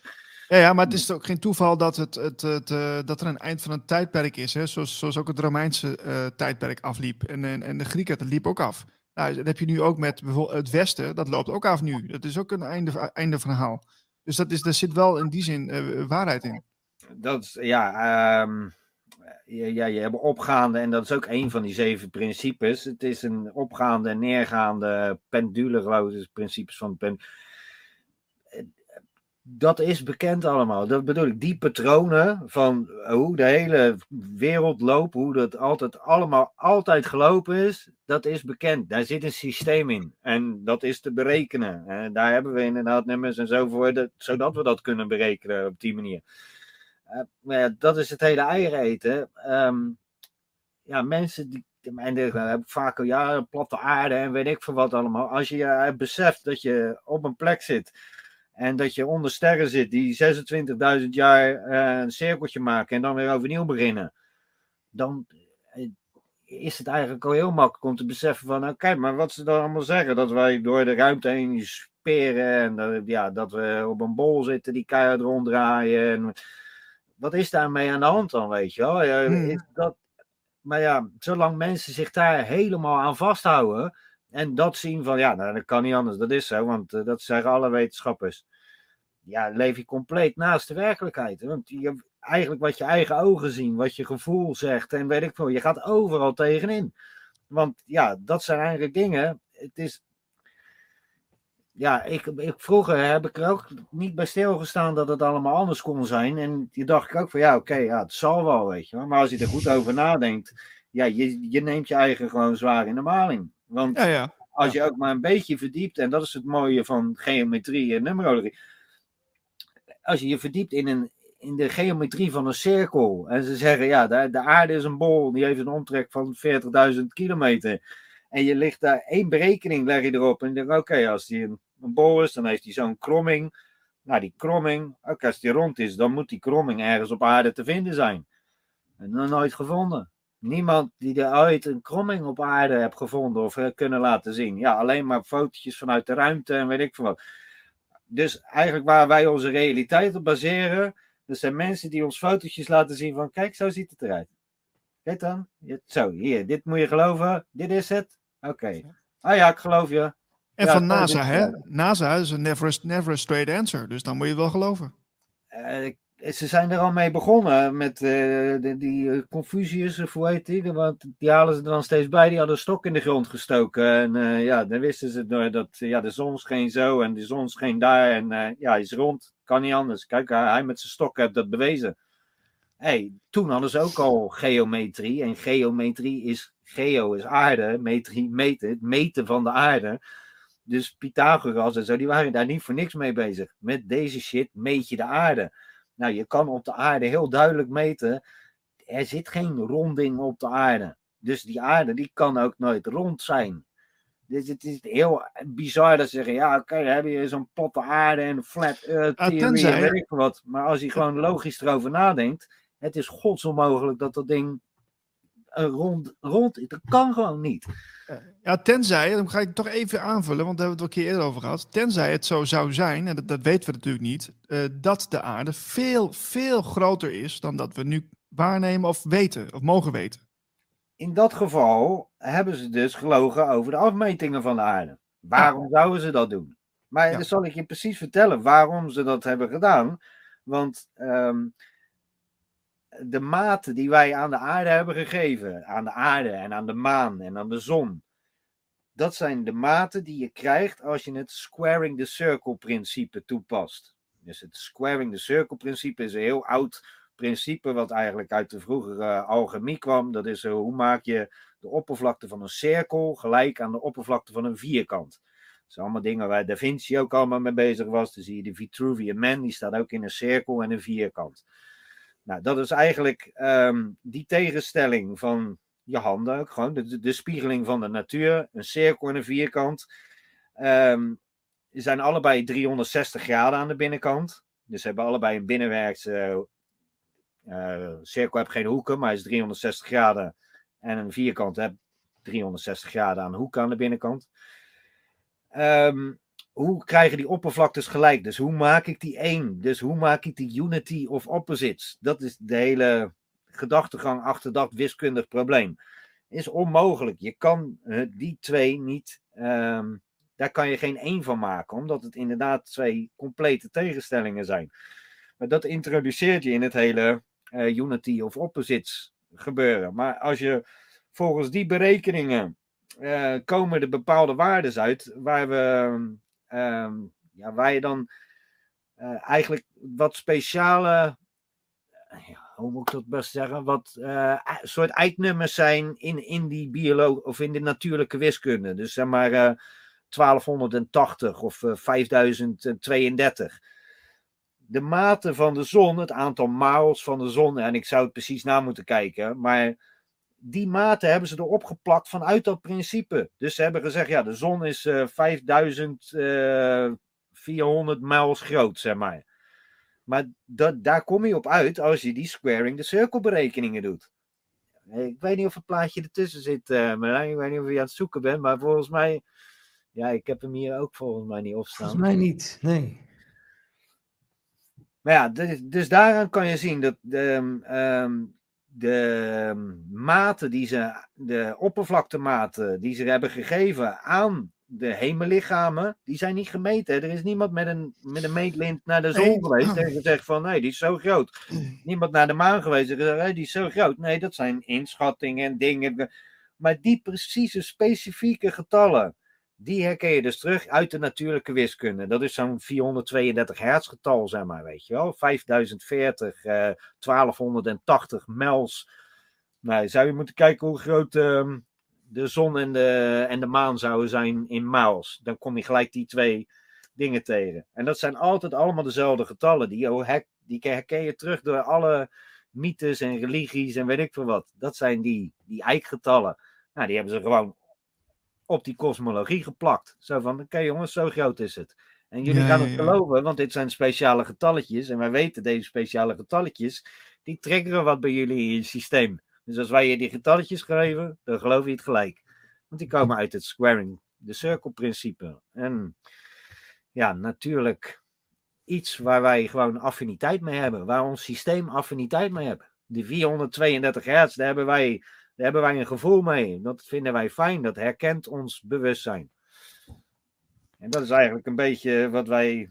eh, ja, ik heb ook heel erg veel dat ik al die dubbele tijden op klokken zie. En eh, ja, dat is eigenlijk pas gekomen toen ik me ging interesseren voor dit hele gebeuren. Toen zag ik, nee, ik denk, hè, hoe kan dat nou? Weer, weer 11-11, weer 1-1, weer 2-2, weer... En wat is het dan volgens jou? Ik denk, op, hoe ik het beleefd heb de afgelopen vijf jaar, is het het, ehm, het het systeem wat communiceert met je. En ja, dat klinkt heel raar en ik vind mezelf ook echt wel apart dat ik dat zeg. En dat ik ja, ervan overtuigd ben dat het echt zo is. Maar ik heb het zelfs, mijn vrouw die wordt er helemaal gek van. Dan zeg, zeg- ja, en het is bij mij op de magnetron, hè, die staat niet gelijk met de gewone tijd. Dus het, is, het heeft niks met de tijdstelling te maken. Het heeft echt gewoon, die nummers, die zijn er op een gegeven moment als je ze nodig hebt. Of als, ze de, of als je erop geattendeerd wordt. Op, en het maakt niet uit waar je zit, of ik nou thuis ben of in de auto of weet ik wat. Maar continu, ja, komt dat terug. Dan Kijk je niet op de klok en is het geen, eh, hier, oh, nou is het toevallig 11, 11. Nou, het is toch niet toevallig, dat kan toch niet? Ja, zie hem ook, ja. Maar dat, je, dat bedoel ik. Dit, dit kan toch niet? En dit heb ik al continu, hè, vijf jaar achter elkaar, continu, als ik het erover en ik kijk en ik, en ik zit het nou en ik ga op die klok zitten kijken, 11, 11. Nou, een beter voorbeeld kan ik volgens mij niet geven. Nee, nee, eh, eens. Ja, ik denk inderdaad wat jij zegt dat dat klopt. Het, eh, het systeem of het universum communiceert met je. Dus eh, ja, Dus vertel nog deze even over, heeft het systeem even verteld van, nee, wat die jongen hier zit te vertellen is geen onzin. Want het, het is precies 11, 11, hè. Ik ken niet. Maar ja, Vertel nog, vertel nog even over 33. En, en vooral, eh, want we- je hebt een stukje naar ons doorgestuurd over het getal 33. En daar Ja. stond ook, ook in dat kinderliedje. eh, die is 9. drie keer die is negen en iedereen zingt zijn eigen lied. Ieder zingt zijn eigen ik lied. ben Ja, even naar het toilet, jongens. Eh, Ja, ja, ja, dat moet ook gebeuren. Nee, ja, dat- dat- drie keer drie is negen, ieder zingt zijn eigen lied. Eigenlijk kwam ik daar pas achter toen ik dat stukje zat te schrijven. Ook. Toen kwam dat, en dat zeg ik, sommige dingen die krijg je door en die, moet je, die neem je gewoon mee. En toen besefte ik van, hé, dat is eigenlijk een liedje, dat hebben ze me als kleuter hebben ze me bijgeleerd. Maar eigenlijk vertellen ze daar die hele basis van het systeem, die, die geven ze je wel mee, weet je wel. Drie keer drie is negen, negen is het belangrijkste getal. Ieder zingt zijn eigen liedje, dus iedereen maakt zijn eigen, eh, maakt zijn eigen realiteit, maakt zijn eigen toekomst. En met behulp van ja, die simpele rekensom, 3 keer 3 is 9. Dat is eigenlijk een, ja, een soort tool die je meekrijgt al vanaf af kind, als kind zijnde. Maar zo ehm, ja, stoppen ze een hoop van die esoterische kennis, stoppen ze in kinderverhaaltjes en in eh, net zoals Humpty Dumpty, dat ei. En dat, daar zit allemaal esoterische kennis zit erin verstopt. En eigenlijk als je dat gaat herkennen, ehm, nou, dan moet je eigenlijk een beetje die basis vormen van die esoterische wiskunde kennen. En dan zie je dat in een heleboel dingen terug. Dan komt overal komt pi terug bijvoorbeeld. Of eh, 180 graden van een driehoek. Of zulke dingen, die zitten allemaal subtiel in al die kinderdingen verstopt ook. Maar ja, dat heb je niet door als je daar nooit eh, mee bezig bent geweest. Dan zie je dat niet. Maar ja, het is wel mooi om te zien. En Maar, hoe, wat, wat, is dan, eh, wat is dan zeg maar de code? Want je hebt 3 keer 3 is 9. 3 keer 3, daar zit, hè, dat- is dan 33. 9 is heel belangrijk. Maar Nee, hoe, zou- hoe- kijk, eh, drie keer drie is. Nee, oh ja, die drie, dat is sowieso de drie-eenheid. De drie-eenheid is eigenlijk de hele. Want we hebben het de hele tijd over de unity of opposites. Dus het samenkomen van twee tegengestelde. Maar daarmee maak je een, een driehoek eigenlijk. Dus je hebt die twee tegengestelde, je maakt wat nieuws. Dus dan krijg je, een, dan krijg je die driehoek. En die driehoek, dat is eigenlijk ook hoe wij onze realiteit beleven. Je hebt het nu, je hebt het verleden en je hebt de toekomst. En ehm, ja, als je te veel in het verleden leeft of te veel in de toekomst, ja, dan, dan gebeurt er nu niet veel, zeg maar. Dus dat is eigenlijk om je, die, eh, die drie-eenheid is om je te duiden van oké, het heden is het allerbelangrijkste waar je mee bezig bent. Want nu, op dit moment, kan je ja, eh, alles aanpassen wat je zou willen aanpassen of alles doen wat je zou willen doen. Het verleden is wat er al gebeurd is en de toekomst die moet je nog creëren. Maar dat moet je allemaal doen vanuit het nu. Dus dat, eigenlijk- dat geeft je eigenlijk al een soort ja, basiskennis over deze realiteit, zodat je altijd geworteld bent in het nu en niet in het verleden of in de toekomst gaat leven, zeg maar. Nou ja, dat is eigenlijk de drie, ehm, ja, eh, die ook continu door alle religies en mythes gepusht wordt bij iedereen. En via een driehoek of een, een drie-eenheid of in de Bijbel of eh, de drie-eenheid bij eh, de Egyptenaren, Osiris, Isis en Horus. Altijd is die drie-eenheid is een van de belangrijkste dingen die ze je mee willen geven. Ja, drie keer drie is negen, een kinderliedje. Dat is geen religie, geen mythe of weet ik veel wat, maar zo geven ze je toch die drie. En ja, die, de drie, dat is gewoon een hele speciale, want dat is eigenlijk de eerste polygoon in dit bestaan. Als je gaat kijken, als je een locatie wil bepalen, je hebt drie punten nodig. Dat komt omdat je met drie punten, dus de eerste keer dat je een vorm kan maken. Want met één punt maak je geen vorm. Eh, met twee punten kan je niks, dan heb je alleen maar een lijn tussen twee punten. En zodra je die ene punt erbij doet, dan krijg je een inhoudsmaat. Dus dan heb je drie punten. En als je die met elkaar verbindt, dan heb je een inhoud. Ja, dat is dit Ja. plaatje inderdaad. De een is de monad, de twee is de vesica.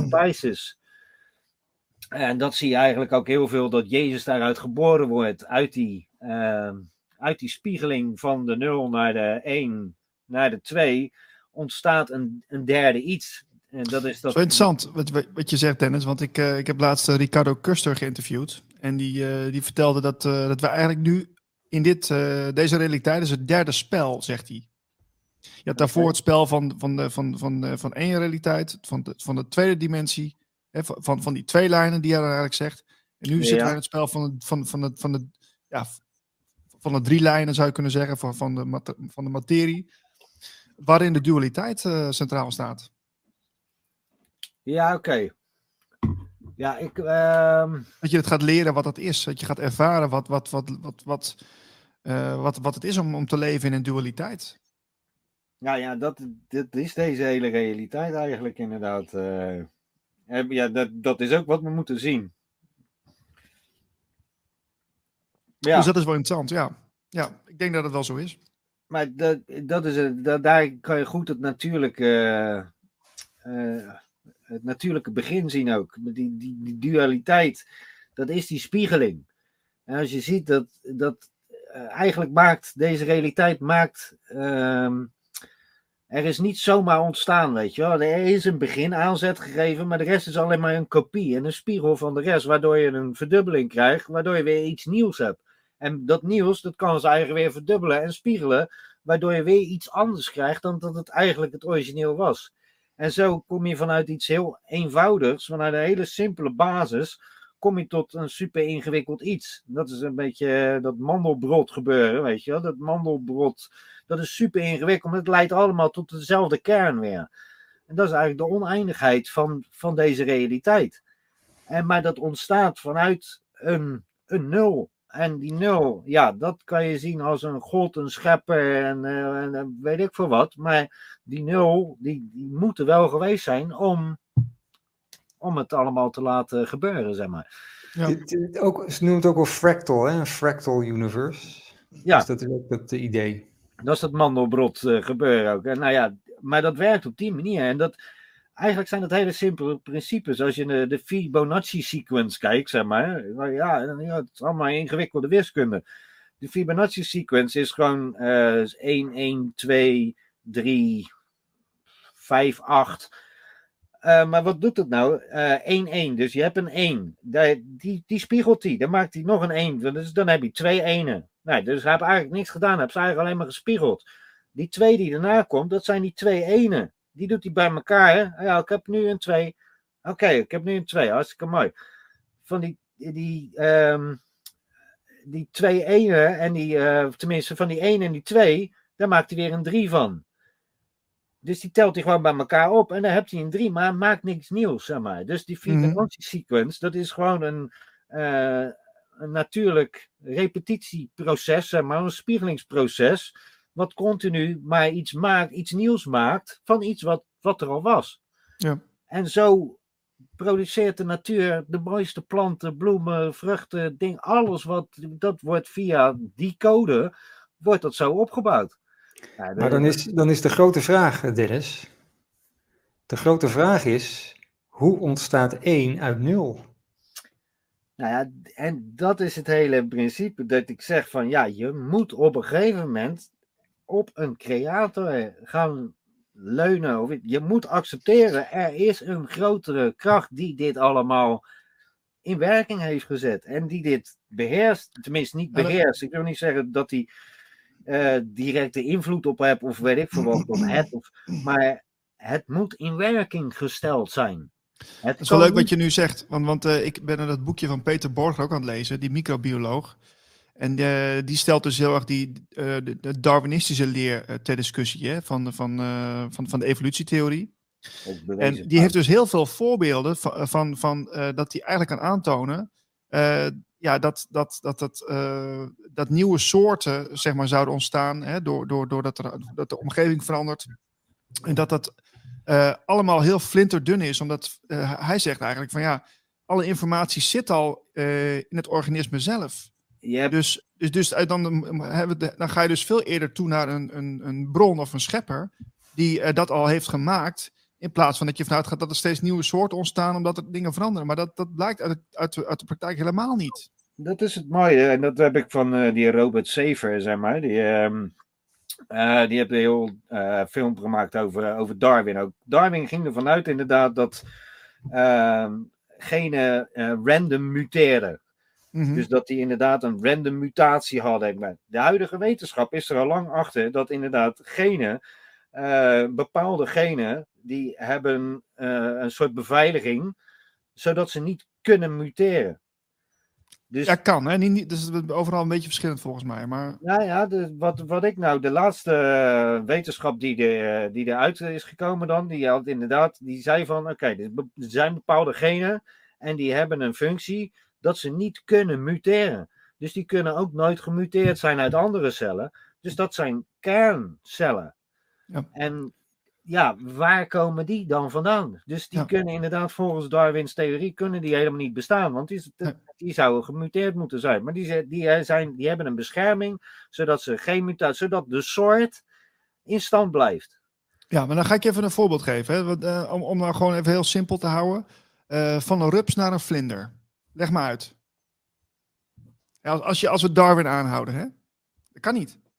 Nee, ja, nee, ja sowieso uh, is dat sowieso nee, dat kan niet. heel erg lastig. Maar, ja, precies. Uh, dat is omdat, omdat het, het informatiepakketje, de, de, die, de bron, die heeft het zo gemaakt. Omdat het zo is. Het, omdat het zo is. Meer, meer, uitleg is er gewoon niet. Het is gewoon zo. In plaats van, ja, maar is zo, toen is dit bijgekomen en zo. Ja, dit... Nou ja, het is een hoop theoretisch uh, gezwammen. Maar als je inderdaad kijkt naar bijvoorbeeld een plantenzaadje. Ja, eigenlijk als je als je 200 jaar later kijkt en er staat een boom van weet ik veel hoe hoog, maar die informatie, die zat allemaal al in dat zaadje. Precies, dat is toch, dat is toch magie, man? Dat, dat is inderdaad, maar dat is het beseffen van, oké, okay, er is een, een creatie die dat mogelijk maakt en er is een systeem die alles inderdaad zo klein kan opslaan dat het helemaal verpakt en dat het zoiets groot wordt. En de magie daarvan zien, dat is, ja, dat is al een besef van leven ja, waar hoop mensen aan voorbij gaan. Want wie loopt er naar buiten en die kijkt naar een boom en denkt van zo, dat is echt een, uh, bijzonder ding. Nee, ja, het liefst hakken ze hem om en zetten ze naar huis neer.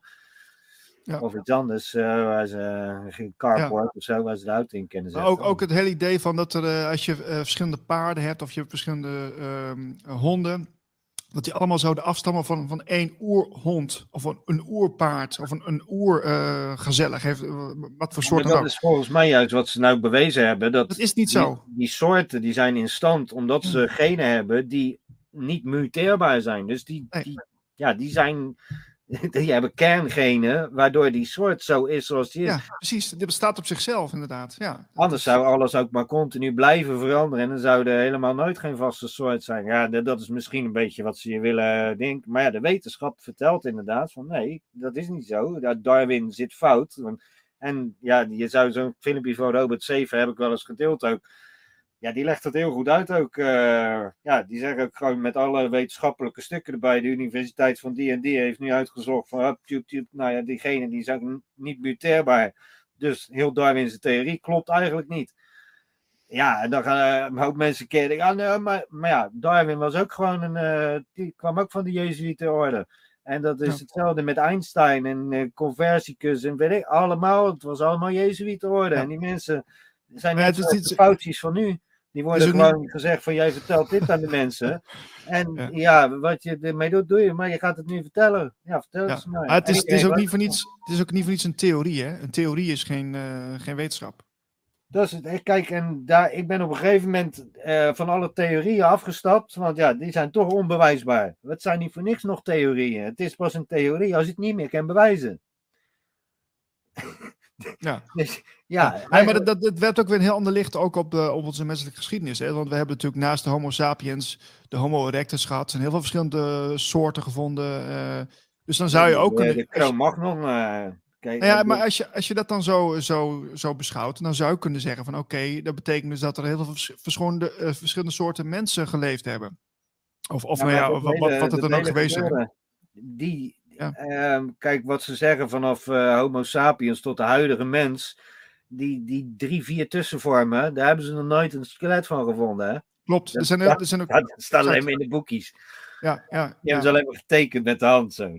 ja, er zitten heel veel jaren tussen waarin niks gevonden is. En dat klopt dan ook weer niet natuurlijk. Dus, eh, Kijk, dat is, en dat is al die theorieën inderdaad. Dat zijn maar theorieën. Ze zijn onbewijsbaar, omdat het theorieën zijn. Als je naar zo'n Pythagoras gaat, dat zijn theorems. En een theorem, dat is een soort gen die niet kan muteren. Dat is zeg maar een driehoek, heeft de binnenwerkse graden van 180 graden. dat is wel lekker voor nou, bij de eh, koffie, denk ik, het theorem. Hè? Hier, koffie. Nee, maar dat is eh, ja, dus een stelling. Je noemt de stelling van Pythagoras, maar een stelling dat is eigenlijk een theorem. En een theorie die eh, is niet ondersteund door bewijs. En een theorem, dat is een natuurlijk principe. Dat is altijd zo. Dat is altijd zo geweest. Dat zal nu altijd zo zijn. En dat zal altijd zo blijven. Want je kan geen driehoek hebben met eh, geen 180 graden binnenwerks. Dat is altijd, een driehoek is altijd 180 graden binnenwerks. Een cirkel is altijd 360 graden binnenwerks. Een vierkant is altijd 360 graden binnenwerks.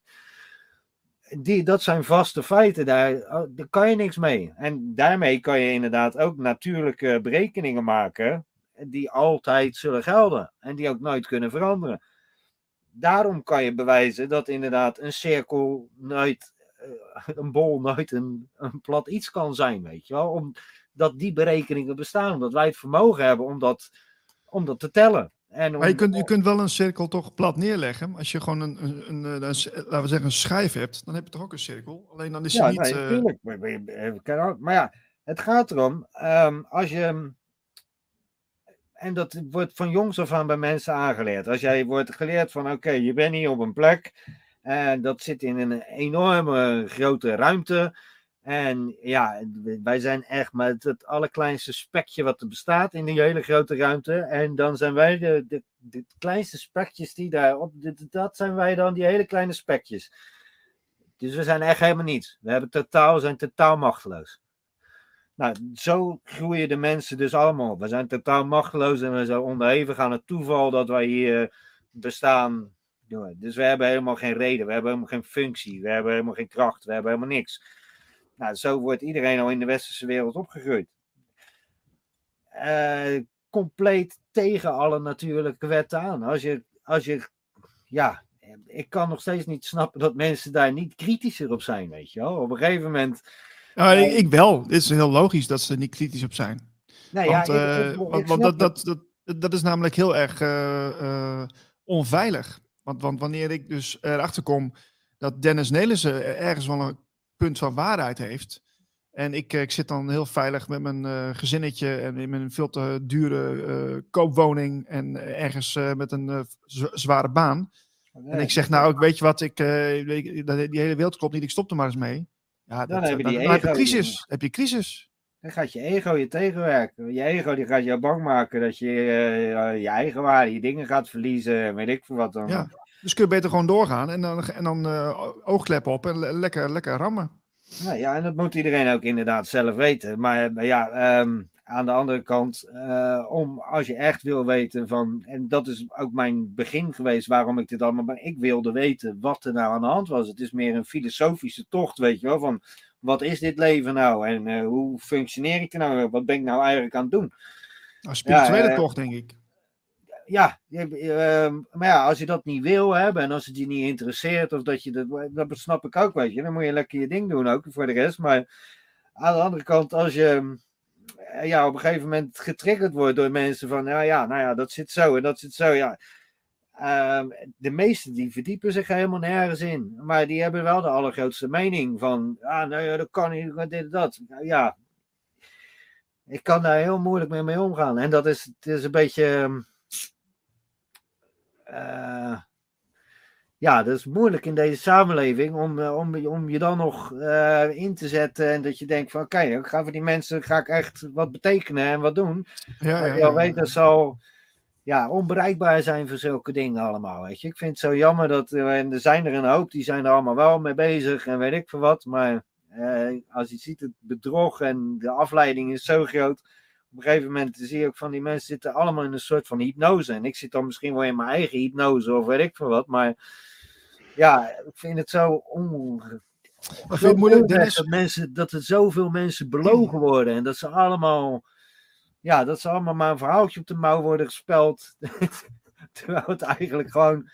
eh, ja, de kennis is wel openbaar, weet je wel. Maar die macht van die, die machthebbers is zo groot dat iedereen zomaar een verhaaltje op zijn mouw gespeld krijgt en erin meegaat. Ik vind dat echt. Ja, hoe, eh, hoe zie jij, Dennis, hoe zie jij dan de toekomst eh, de komende jaren, komende vijf jaar? Of, eh, wat, Nou, ik denk wat dat het- er? veel meer van. Wat ik nu de afgelopen vijf jaar heb meegemaakt. Ik, ik was eigenlijk. Nou ja, een van de weinigen die zich opeens met zulke dingen bezighouden. Kijk, je had vroeger altijd wel mensen die een beetje complot terugdachten en weet ik wat.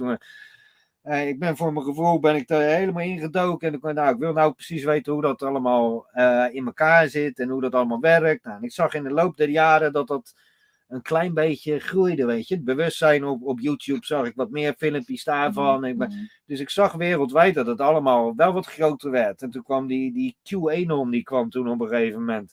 Nou, daar heb ik ook heel lang in gezeten en gekeken wat dat nou precies allemaal was en wat het allemaal inhield. En of dat enige grondslag had. En toen zag ik echt van, nou, volgens mij zijn er echt hele gekke dingen op aarde aan de hand. En dat zei ik ook tegen mijn vriendenkring van, er gaan dingen, echt hele grote, noemenswaardige dingen gaan er veranderen in de wereld. Nou, die zeiden allemaal, je bent gek. Nog geen eh, anderhalf, twee jaar later zitten we met een coronacrisis en een wereldoorlog en weet ik wat. Dus allemaal, ik heb het wel een beetje aanzien komen, ook wat er gebeurt. En ik hou dat ook redelijk in de gaten, wat, eh, wat er in de wereld gebeurt qua wat er dan naar buiten komt en hoeveel mensen er bewust zijn. Je ziet het als een trein groeien. Ik bedoel, zo'n andere krant, dat is, dat is een medium, dat komt binnen een jaar op. En dat, dat, dat staat gewoon gelijk, zeg maar, tenminste, staat gewoon gelijk. Dat hebben een hoop aanhang, dat hebben een hoop lezers, trouwe mensen die, de, die er dingen mee willen doen. Dat had ik zelfs drie, vier jaar geleden, had ik dat nooit kunnen verzinnen. Want toen zat ik nog in mijn eentje op mijn zolderkamertje complottheorietjes uit te zoeken. Inmiddels ben ik zelf al zover dat ik eigenlijk nou ja, video's maak om mensen deze kennis over te dragen en zo. Dus je ziet het op alle manieren, zie je het gewoon in die, ehm, in die natuur, in het natuurlijke proces zie je het groeien. En zie je een hoop dingen tot ontbloeiing komen, zoals je in de natuur ook ziet. Alleen, ja, het gaat niet over een periode van een jaar, maar over tien jaar. Dus je zegt van, nou oké, de zaadjes zijn geplant. eh, na drie jaar komen er bepaalde stekkies aan. En na vijf jaar komt er een bloem aan. En die gaat pas weer zaadjes geven. En ja, dat natuurlijke proces, dat zie ik wel gebeuren. Dus ik zie echt wel dat het eh, beter gaat worden in de wereld, denk ik. Maar ja, eh, eigenlijk zoals de natuur je ook vertelt, om iets nieuws te laten geboren worden, moet er eerst iets doodgaan. En Ja. dat is wat de Bijbel je ook vertelt, die kruisiging van Jezus. En je moet eerst sterven, wil, wil er nieuw leven ontstaan, wil het nieuwe begin beginnen. En die Ja, dood, dus- is iedereen zo bang voor. Maar dat is wel interessant, dood. Van, eh, wat, wat moet er dan sterven volgens jou? Is dat echt dat, dat het, het ego moet sterven? Moeten we dat zo zien? Ehm, nou ja, voor, ik denk dat dat een, eh, een heel groot goed is voor de mens tegenwoordig. We zijn heel erg ego gedreven. Hè? Dat moet er sowieso uit. Dus, maar ja, dat is heel moeilijk. Want het zit al, ja, daar zijn we. Ja, we zijn allemaal slaven natuurlijk. eh, die, die eigenlijk alleen maar werken voor andere mensen rijker te maken. En onszelf een beetje in ons leven te kunnen onderhouden. Het is een hele oneerlijke manier van leven. En om dat er helemaal uit te krijgen, dat, dat is natuurlijk super moeilijk. Ehm, maar ik denk dat wel deze basisprincipes en uh, dat die daarmee kunnen helpen, weet je wel. Dat, ze, dat mensen daadwerkelijk kunnen inzien van uh, we kunnen, wij kunnen deze realiteit zelf maken. En we zijn niet afhankelijk van andere mensen die ons vertellen hoe deze realiteit in elkaar zit. We kunnen dat zelf uitrekenen, we kunnen dat zelf zien. We kunnen het zien voor wat het is, weet je wel. We, en we zien de bijzonderheid er ook van. Ja. Maar ja, wat, wat, wat, mensen sowieso mee kunnen nemen, denk ik. Uh, en de mensen die naar Radio Gletscher kijken, die weten het, ook, weten het zelf ook wel. Maar voor de mensen die dat niet, niet weten. Elke gedachte, elke actie, alle, alles waar jij je energie in stopt, dat heeft invloed op, de, op alles. Dus je kunt eigenlijk met een aantal keuzes, kun je gewoon uh, de wereld dus veranderen. En dan denk je dat, dat niet veel invloed heeft, maar dat heeft ontzettend veel invloed. Ik, ik heb gezien wat dat voor invloed heeft. Uh, ik ben op een gegeven moment, nou je weet, met het, uh, met het silica water bezig. Je moet maar degene zijn die de mail stuurt. En je moet maar degene zijn die je laat horen. En die inderdaad de actie onderneemt om iets te. Je kan ook inderdaad denken van, oh nee, dat vind ik eng of dat doe ik niet. Of, nee, je hebt de kracht om, om iets te ondernemen en iets te gaan doen. En om te proberen om jouw gedachten werkelijkheid te maken. Dat is, dat is ook wat je bent. Je hebt gedachten en je hebt gereedschap gekregen om die gedachten werkelijkheid te maken. En ja, daar kan je gewoon goed gebruik van maken. Uh, als je niet laat leiden door angst en ego en weet ik veel wat, dan maak je waarschijnlijk ook goede keuzes. En dan word je nog geholpen ook door het universum, denk ik. Want ja, dat is dan kennelijk ja, het, het ding wat jij moet doen. Uh, als jij die informatie doorkrijgt, dan hoort dat bij jou, bij jouw leven en jouw bestaan ja, en dan moet je maar ook het beste van maken. En op een gegeven moment zie je ook wel waar de valkuilen zitten en waar je, waar je eigenlijk zelf een minder persoon bent als dat je denkt dat je bent. Want ja, je ego denkt natuurlijk dat jij helemaal perfect bent, maar ja, je zit nog steeds vol met, uh, met fouten, misinschattingen, uh, te goed van vertrouwen. Uh, dat zijn allemaal dingen ja, waar je dan voor jezelf beter aan kan werken. Om te zorgen dat jij beter de boodschap door kan geven die je uh, ingegeven krijgt, denk ik. Ja, dat denk ik ook. Ja. Wat denk jij ervan, Marlijn? Ja, we gaan. Uh, ja, we moeten naar de, nul, naar de nul toe of naar het nulpunt uh, toe. Hè? En dan kunnen we zelf van, daar, van daaruit kunnen we creëren. Nou ja, maar dat is inderdaad. Laten we inderdaad eens een keertje teruggaan naar de basis. En laten we niet zeggen van. Um, ja, het moet zijn zoals ik denk dat het is en zoals ik weet dat het is.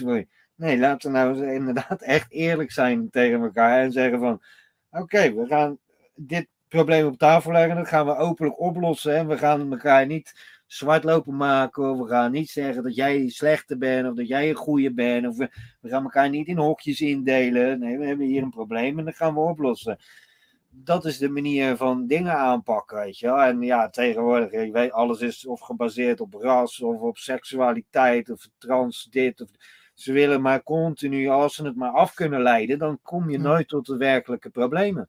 Ja, maar het klimaat, het, het klimaat, het klimaat. Ja, het, het, is te, te, gek voor woorden. Maar ja, het, het ergste is nog dat ook zoveel mensen die, die zijn er heilig van overtuigd dat, we, dat dat een van de belangrijkste dingen is waar ze hun dagelijkse energie in moeten steken. Dit, dit, mijn schoonvader is niet anders meer bezig als met zijn kachel en zijn stroom en zijn zonnepanelen en de hele rattenplan. Dus denk in tekorten ook, hè? Dus denk in tekorten. Ja, ja, het is allemaal op angst gebaseerd. Je, ja, je bent bang dat je dadelijk. Eh, wij ook de kachel aan zeggen: nee, dat is te duur. Toen zegt de kachel aan. Ik zeg: ik, ben, ik, ik, heb het nu koud. Dat ik over een jaar en ik geen verwarming kan betalen. Dan ga ik me nu echt niet druk over maken. Weet je wel. Dat zijn dingen. Maar ja, die zijn zo geconditioneerd om op angst onze beslissingen te maken. Oh, ja, die vindt dat niet goed, dus dat doe ik maar niet. Nee, ja, dat is een beetje het probleem. Uh, Denk je, Dennis, denk je dat het dit jaar uh, dat er een doorbraak komt met, met uh, bepaalde informatie, dat mensen meer bewust gaan worden? Uh...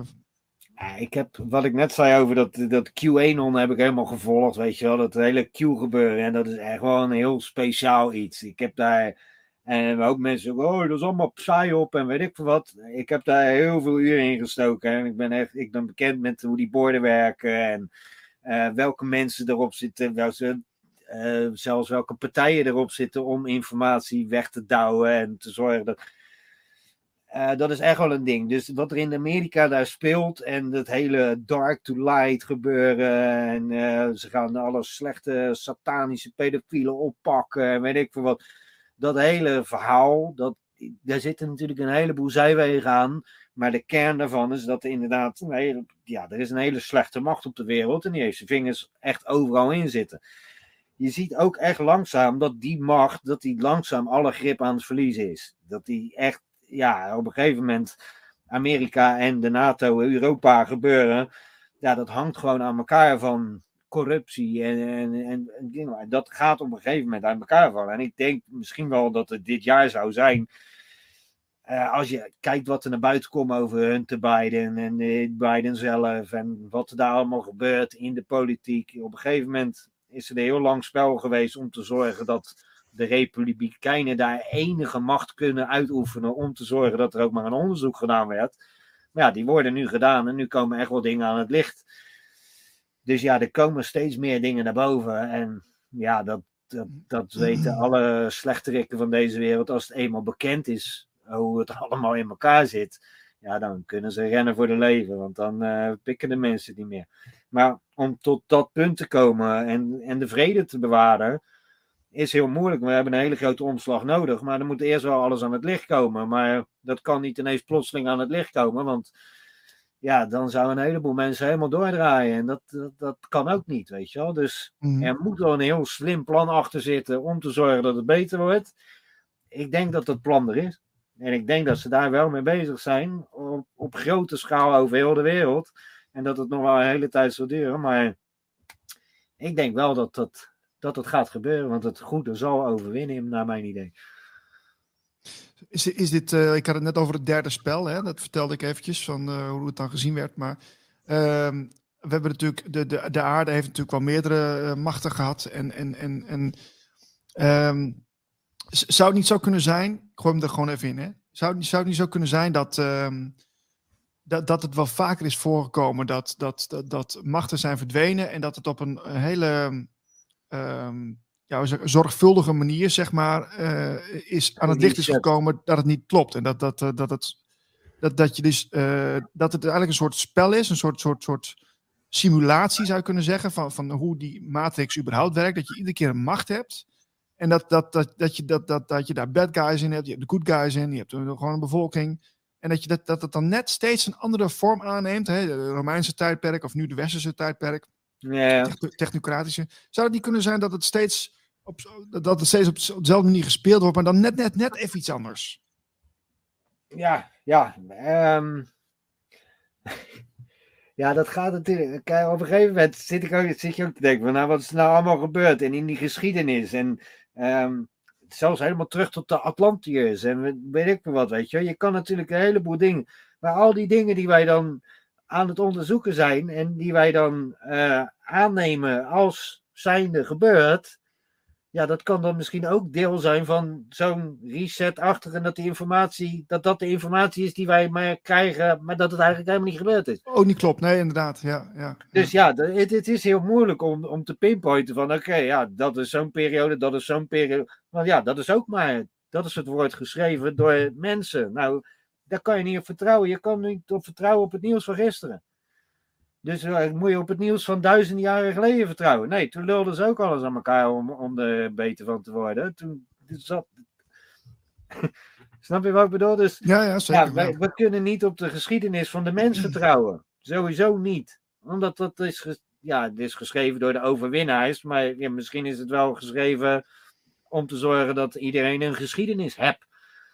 Misschien, ja, dit, dit- snap je? Dus daar, daar, daar kan je je vertrouwen eigenlijk niet op leggen. Nee. Dus ja, wat ze toen gedaan hebben en waarom die gebouwen. eh, Kijk, dat zijn die dingen, die gebouwen, die staan er. Zijn piramides en, en speciale monolithische gebeuren. Die, die, die hebben wel een functie gehad, weet je. Dus er zijn inderdaad wel samenlevingen geweest die zijn met andere dingen bezig geweest. Op het nou eh, farao's zijn geweest of, of hele andere soorten wezens die toen bestonden en nu niet meer. Of, eh, ja, ik weet, zou het echt niet weten. Eh, En volgens mij zijn de, de mogelijkheden in deze realiteit eindeloos. Als je de frequenties kan veranderen en het is een gestructureerd iets, kan alles. Ja, ik, zat laatst ook naar zo'n videootje te kijken en dan eh, dat ging volgens mij ook over de stad Melbourne in eh, Australië. En eh, er st- stond, stond erbij, eh, dat zie je ook wel op die eh, gebouwen soms staan, hè. Founded. Founded bij, eh, wanneer, wanneer dat ook was, 18 zoveel. Ja, ja. Gevonden. ja. Ja, Ja. ik- als, je, het- als je het zo vertelt, hè, gevonden. Oh, wacht even, is het gevonden? Dus het stond er dus al. Oh, Ja, maar dat, die, die hele geschiedenis, ja, je, je kan er niks mee als je naar die World Fairs kijkt en weet ik veel, alles met de elektriciteit die ze daar toen hadden en weet ik veel wat. Dat kan, kan eigenlijk helemaal niet. Dat is 100, 150 jaar geleden. Die hadden nog betere elektriciteit dan wij nu. eh, ja, die hele geschiedenis, het is één grote, ja, ik, je, kan, gelogen. je kan er helemaal niks mee. Je kan er echt helemaal niks mee. Want het- ja, het, lijkt wel of dat we technologie van 150 jaar geleden, dat we die nu nog moeten uitvinden weer of zo, weet je ja, wel. ja, ja, ja. Je ziet wat Tesla allemaal wist. En eh, nou ja, dat, dat, we het nu weer opnieuw moeten uitvinden, dat is natuurlijk gewoon een giller. Ja, nee, ja, dit, dit is bizar inderdaad. Ja. Dus ja, daar, daar staan we dan tegenover eh, inderdaad om, ja, en daar zou ik graag, want al die dingen, ehm, het hebben allemaal verband met elkaar. Hè? En wat ik net, die, die matrix van eh, 1 tot en met 9 in een 3 bij 3 vakje, dat, is ook, dat leidt ook terug naar Vortex Mat. En Vortex Mat is van Marco Rodin en dat is oneindige energie dat rastertje van die negen nummers, dat kan je op verschillende manieren plaatsen, waardoor je een, een soort wiskundig model krijgt wat oneindige energie opwekt. En dat is dat Marco Rodin gebeuren. En op een gegeven moment had ik zoveel dingen eh, had ik onderzocht en die pasten ineens allemaal in elkaar, weet je wel. Dus die numerologie, die paste perfect daarin, dat sloot weer precies. En daarin zag je echt van, oké, die eindeloze energie, die komt dus ook uit die nummers, uit dat raster, uit 0 tot en met 9, weet je wel. Het sluit allemaal op elkaar aan. Dus ja, dat is logisch en verifieerbaar. En dat is eigenlijk het enige waar ik me op kan vertrouwen, ja, dat de nummertjes kloppen. en als de nummertjes niet kloppen, dan klopt het niet. Ja, en dat, dat krijgen we dus elke keer te zien en te horen bij eh, Dit is Logos, jouw eh, programma bij eh, Radio Gletscher. Daar zijn we heel blij mee. dat probeer ik op, op een goede manier uit te leggen. En ehm, ja, daarin kan je laten zien dat inderdaad de Bijbel ook echt een boek is wat niet geschreven is om je een geschiedenisverhaal te vertellen zoals ze in de kerken leren, maar om je te introduceren in de natuurlijke wetenschappen van de sterren. En ja, er zitten zoveel diepe lagen in. En het- we hoeven daar niet bang voor te zijn, weet je wel. We moeten daar gewoon met een open visie naar kijken en kijken van oké, als we dat er allemaal uit kunnen halen, dan is er wel wat interessants te vinden, weet je wel. Eh, Dennis, heb jij nog iets eh, toe te voegen aan jouw eh, verhaal? Heb jij nog, wil je nog iets Ik kwijt? eh, heel nodig plassen ook. Dus ik weet niet, als we het nog 10 minuten voor willen houden, dan moet ik even naar de wc en anders sluiten we het af. Of weet ik veel. wat. Nou, dan, dan sluiten we bij deze af. Dus eh, helemaal goed. Eh, geen probleem. Eh, dank voor je tijd. nog Vond 10 het heel minuten later, dus 10 minuten eerder, dat kan ook wel. Nee, oké. Maar goed, ik denk dat we het ook wel zijn. Dan gaan we ook zo afronden. Dus dank voor je tijd. Hartstikke leuk om het te doen en bedankt dat ik, dat ik mijn spul mocht spuien hier zo. Ik vond het heel erg leuk en ik hoop dat mensen het interessant vonden. En ja, kijk eens op Dit is Logos en kijk of dat je er wat, eh, wat van kan maken voor jezelf. En, dus. En als mensen nou eh, jouw water willen bestellen, eh, hoe doen ze dat dan? Dan komen ze naar www.asilis.nl en daar staat ook alle informatie en dan ja, help ik ze daar ook graag mee verder. Zo is het. Beste kennis en het beste het water. allemaal, Kijk. allemaal bij mij. Alright, Dennis, fijne dag en we spreken je. Heren, hartstikke bedankt. Yo. Yes, hoi, hoi. Dat was Dennis Nelissen. Over eh, ja, de numerologie en eh, water en de getallen. De, de mystieke eh, ja, duiding van getallen. Heb je er wat van geleerd? realiteit. Ja, van de realiteit eigenlijk. Heb je er wat van geleerd nu, Marlijn? Of wist, je, wist je het allemaal al? Nou, ik had die hele, die hele dikke map die Dennis via de mail had doorgestuurd. Allemaal plaatjes. Die had ik natuurlijk al gezien. Ehm, Maar nee, hij, hij weet het wel altijd heel helder uit te leggen. Dus ook, ja, dat, dat hele idee van, van 0 naar 1 en dat het dan zichzelf spiegelt en vermenigvuldigt als een fractal. Um, ja, dat, dat is, dat is eh, hoe, hoe alles zeg maar werkt. Tenminste in de materiële wereld dan. Nou ja, ja. Hebben wij nog iets in de Gletscherbox gekregen? Uh, nee. Uh, jij stuurde wel een video door. Ja, ik stuur wel eens vaker dingen door. oh ja. Ja, dit, is, was, dit was leuk. Ja. Dus dan is, dit is iemand die heeft een soort, uh, kijk, dit is een soort livestream in een soort kerk. Uh, daar, daar waar, ja, ik weet niet, er hangt een camera 24 uur per dag of zo. Ja, ja, dat is zeker. Ja. Dus die, uh, die heeft dit laten zien. En die zegt, als het nou, als het nou s s'nachts is, dan heb je infrarood.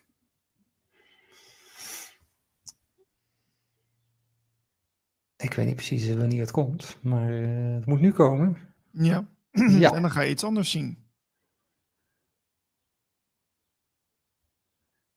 Ja, dan krioelt, krioelt het beeld, zeg maar. Ja, of dat nou door de camera is, infrarood, uh, een beetje artifacts in, in gewoon uh, ja, de software of zo. Of dat, het, of dat er echt iets gebeurt, energetisch gebeurt misschien wel. Kun je nog eens even laten draaien? Ja, het is, heel, het, is een heel, uh, het is een heel kort stukje in de video.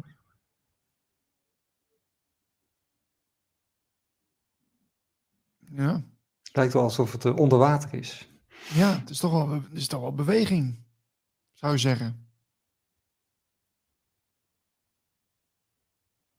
Of gaan we nou dingen willen zien?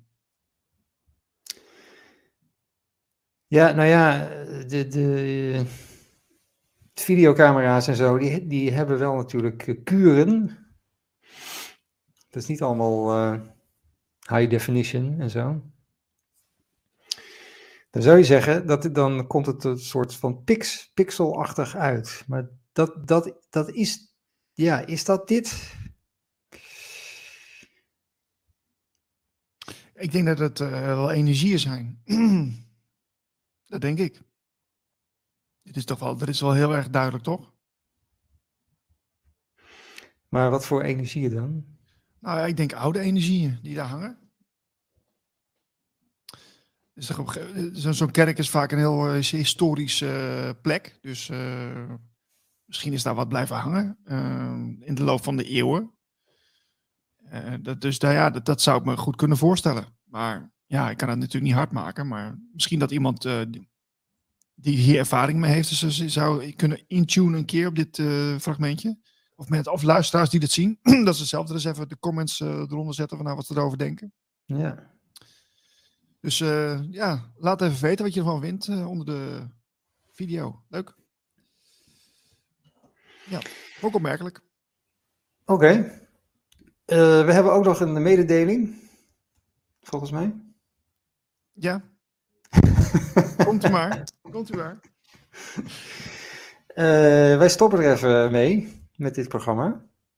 Dat betekent dat wij er nog wel eentje doen. Dus we hebben nog één te gaan. En daarna, want jullie hebben ook nog de, de meetup, die hebben we ook gefilmd. Die hebben jullie ook nog te goed van ons. Dus die komt er ook nog online. Uh, maar dan zijn we er even niet. En het is uh, even de vraag of we terugkomen. Misschien komen we terug, misschien ook niet. Misschien in een andere vorm, zou nog kunnen. Maar alles, uh, alles ligt open. Dus uh, dat is eigenlijk ook het nulpunt, hè? de leegte. We, gaan, we zetten las even een leegte in en dan kijken we gewoon wat er naar ons toe komt of niet. Dus. Ja, voor de mensen die nu kijken denken van, oh, is er iets aan de hand? Nee. Er is in die zin niks, nee, er is precies niks aan de hand. We gaan er gewoon even mee stoppen. Het is gewoon eventjes een break. Goed, dat is op zich goed voor iedereen, denk ik, dat je af en toe na een hele reeks, want we zijn het al een tijdje aan het doen, dat je gewoon even stopt en evalueert En dan daarna kijk je weer verder. Dus verder hoef je er niks achter te denken. Dus bij deze. Nee, er is geen ruzie. Er is wel. Ehm, ik, ik zag een video van een astrologe die had het over de energie van, van, ja, van nu, van deze maand, of misschien wel langer. Uh, dus die had het uh, over, ja, waar iedereen uh, een beetje mee zit nu. En die zei van, ja, iedereen wil gewoon een schone lei. Gewoon alles achter je verbranden en alles van tafel. Iedereen wil gewoon even, even wat nieuws. Even, en ik zie, ik zie en wij, gaan, wij gaan dat dus ook doen. En ik zie de afgelopen week allemaal mensen die het ook gaan doen. Allemaal mensen die allemaal dingen afzeggen of zeggen van, ja ik heb allemaal content gemaakt en, uh, over politiek, maar ik word er helemaal depressief van. Ik ga gewoon wat nieuws, nieuwe video's, nieuwe onderwerpen en zo. Uh, ga ik mee beginnen. Dus uh, je, ik, ja, ik, ik, zie, ik zie dat overal om me heen nu gebeuren. Dus het is wel een soort tendens van de zeitgeist. Ja, en uh, we hebben natuurlijk ook de, de Radio Gletscher nieuwsbrief. Uh, die zal nog wel verschijnen, maar we moeten even kijken uh, wat voor frequentie nog, hè? Ja, dat hangt een beetje af van welke programma's er aangeleverd worden. Dus ja. ja. misschien wel leuk om te vertellen. Ik was gisteren was ik in, ehm, in de buurt van Arnhem en daar deed ik een nieuwe podcast voor de nieuwe tijd uh, met Rob van der Wel. En we hebben weer een uur zitten kletsen over uh, hypnose en mind control. Ja, we hebben het even door Dennis ook al genoemd. Hè, van uh, ja, misschien zit ik wel in mijn eigen hypnose. andere mensen zitten in hun eigen hypnose. Maar ja, dat was dus een vervolg op het eerste gesprek wat we hadden vorig jaar. En dat ging dus net weer iets verder met, met, met, met meer verdieping over de onderwerpen. Dus er komt eind deze maand zal de video dan online komen op mijn eh, YouTube-kanaal van de Nieuwe Tijd. Dus uh, voor de mensen die dat volgen, dan uh, weet je waar je aan toe bent. Ja. ja, even kijken hoor, want we zijn natuurlijk, we zijn er niet meer met dit programma, hè? maar we zijn natuurlijk wel, uh, we hebben onze eigen kanalen ook nog. Ja, wat, dus wat, we, zijn, wat, we zijn niet weg. De Merlin Post, wat, wat kunnen we daarvoor verwachten binnenkort? Ja, dat is de vraag. Dat ligt helemaal open. Uh, ik heb wel wat, wat, wat, ideetjes, maar niet echt iets uh, dat er zeg maar uitspringt. Dus uh, ik heb nu de laatste talkshows gaan over bewust leven. Dus de talkshow gaat in principe ook gewoon wel door. Dus, en wat, uh, welke onderwerpen komen er voorbij? Jeetje, ik ben een beetje last van mijn keel, jongens. welke onderwerpen? Ja, dat is voor mij altijd een, verrassing ook. Dus uh, ik, doe, ik doe ook nog een, een livestream, dus voor donateurs van, uh, van mijzelf. Die krijgen een, ook nog aparte verborgen livestreams. En dus dat zit erbij in als je donateur wordt. Oké. En dat gaat dan over films en zo. Ja, ja. Bijvoorbeeld. Kijk je nog veel films uh, de laatste tijd? Nou, ik zag eergisteren RRR. Heb je die gezien? Nee. nee, nou dan moet je me even, bij, even bijpraten. RRR is een uh, film uit India. Een, een, uh, ja, dat is geweldig. Geweldige film. Het ziet er, uh, ziet er sowieso fantastisch uit. Het is heel mooi gefilmd. En het is, uh, ja, het is een soort, uh, ja, een soort, soort vriendschap tussen, tussen twee mannen. En die komen er dan achter dat ze eigenlijk allebei. Aan, de een staat aan de ene kant, want het speelt honderd jaar geleden in India. En de, de Engelsen zitten daar en die zitten de mensen te onderdrukken. En, en mensen ook uit stammen weg te kopen en dat, soort, uh, dat soort dingen. En uh, dus er wordt een meisje weggekocht door een Engelse familie die heel rijk is.